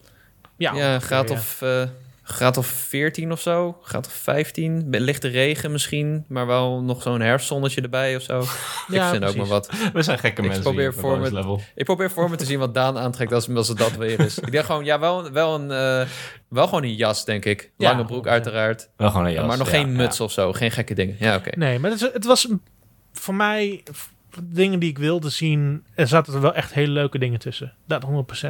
Maar Ja, ik, ik vind steeds- inderdaad wel dat ze met Ja. Octopath Traveler 2... eh weet je wat soort kleine tegemoetkomingen ook gewoon openen trouwens met, eh, met een nieuw Fire Emblem. Dat, dat vind ik best wel tof. Ja. Ja. Ehm, ze hebben hun best maar zelfs gedaan. als eh, iemand, maar zelfs als iemand die heel erg in die Japanse spellen zit, laten sommige dingen me ook wel een klein beetje in de steek. Ik dacht van echt van, Nu voelt het moment dat je echt gaat dingen aankondigen over Pikmin 4. Want je gaat, doet de hele, hele spiel over Pikmin Bloom voor twee minuten. Ja, dat was En dan- zo raar. En, Ja. en, en nu komt het. Nu ga je echt Pikmin 4 laten zien. Wat doe je? Je doet een teaser van 30 seconden. Zes jaar later. Ja, rare keuzes weer, rare keuzes. Ja. En dat is... eh, ja, in dat opzicht is er één Ja. bedrijf nog gekker dan Bones Level. En dat zijn de heren bij Nintendo. Maar goed. Want, want, want, want één ding, één titel waar we niet echt over hebben gepraat, die wel in de lijst stond, maar waarschijnlijk hebben we gewoon over geskipt, was bijvoorbeeld Atelier 3. Die zat er ook in. oh, En 1 en 2 Ja. zijn twee van mijn favoriete spellen aller tijden. Want ik vond echt dat ze het heel tof hadden gedaan. Want al die andere games waren vroeger heel erg turn-based. En hadden heel veel systeempjes en dat soort Mhm. allemaal. Vond ik echt helemaal niks. Dit was echt meer in de trant van een Final Fantasy game. Waar je echt een ATB-artstijl had. Een vechtstijl. eh, meer een open wereld. Dat soort allemaal. Dus dat soort games vind ik altijd wel tof. Ehm, maar ik had iets meer van dat soort games willen zien. Als het om Japanse games aankomt. Dan de vijfde farming sim of dat Ja. allemaal. Ja. Er had gewoon iets meer variatie kunnen zijn. En dat was er gewoon niet. ja. Ja, helemaal mee eens, man. Ehm, goed, het was, eh, het was geen fantastische direct, kunnen we wel stellen. Eh, maar wel een aantal, eh, zeker een aantal interessante dingen. En nogmaals, ik ben super blij met Zelda. Eh, wij zijn ook vooral heel erg benieuwd wat jullie van de direct vonden. Laat het vooral even weten. Of via de mail bonuslevelcast.gmail.com of eh, onze Discord, die vind je in de beschrijving. Ik dacht even dat je het zelf Nee, ging doen. Ik Cody. dacht, wat gebeurt hier nou? Nee, We hebben drie verschillende De mailadressen Discord. voor bonus level cast luisteraars. Ja. Je kan bonus level cast gewoon met een C schrijven. Ben je heel normaal. Vind je een normaal mens. Je kan met een Q. Dan ben je, als je bonus level met een Q. Als je daar een mail naar stuurt, krijg je een tientje van Jacco. Is heel, is heel gul is hij daarin. En bonus level Nee. met een K. Dus kies een leuke uit.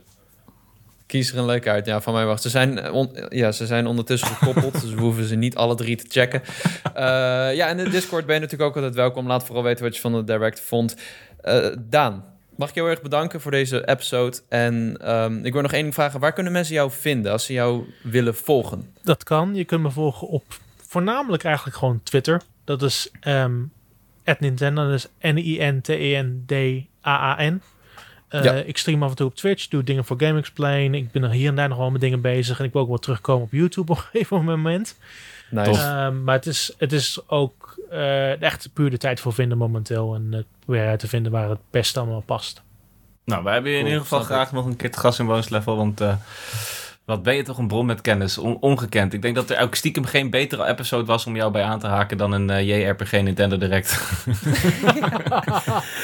Daar zit Nee. inderdaad wat in, ja. Eh, en vonden jullie dit nou ook een leuke podcastaflevering? Laat het even weten via een beoordeling via Spotify of Apple Podcasts. Volg ons er ook even, daar worden we heel blij van.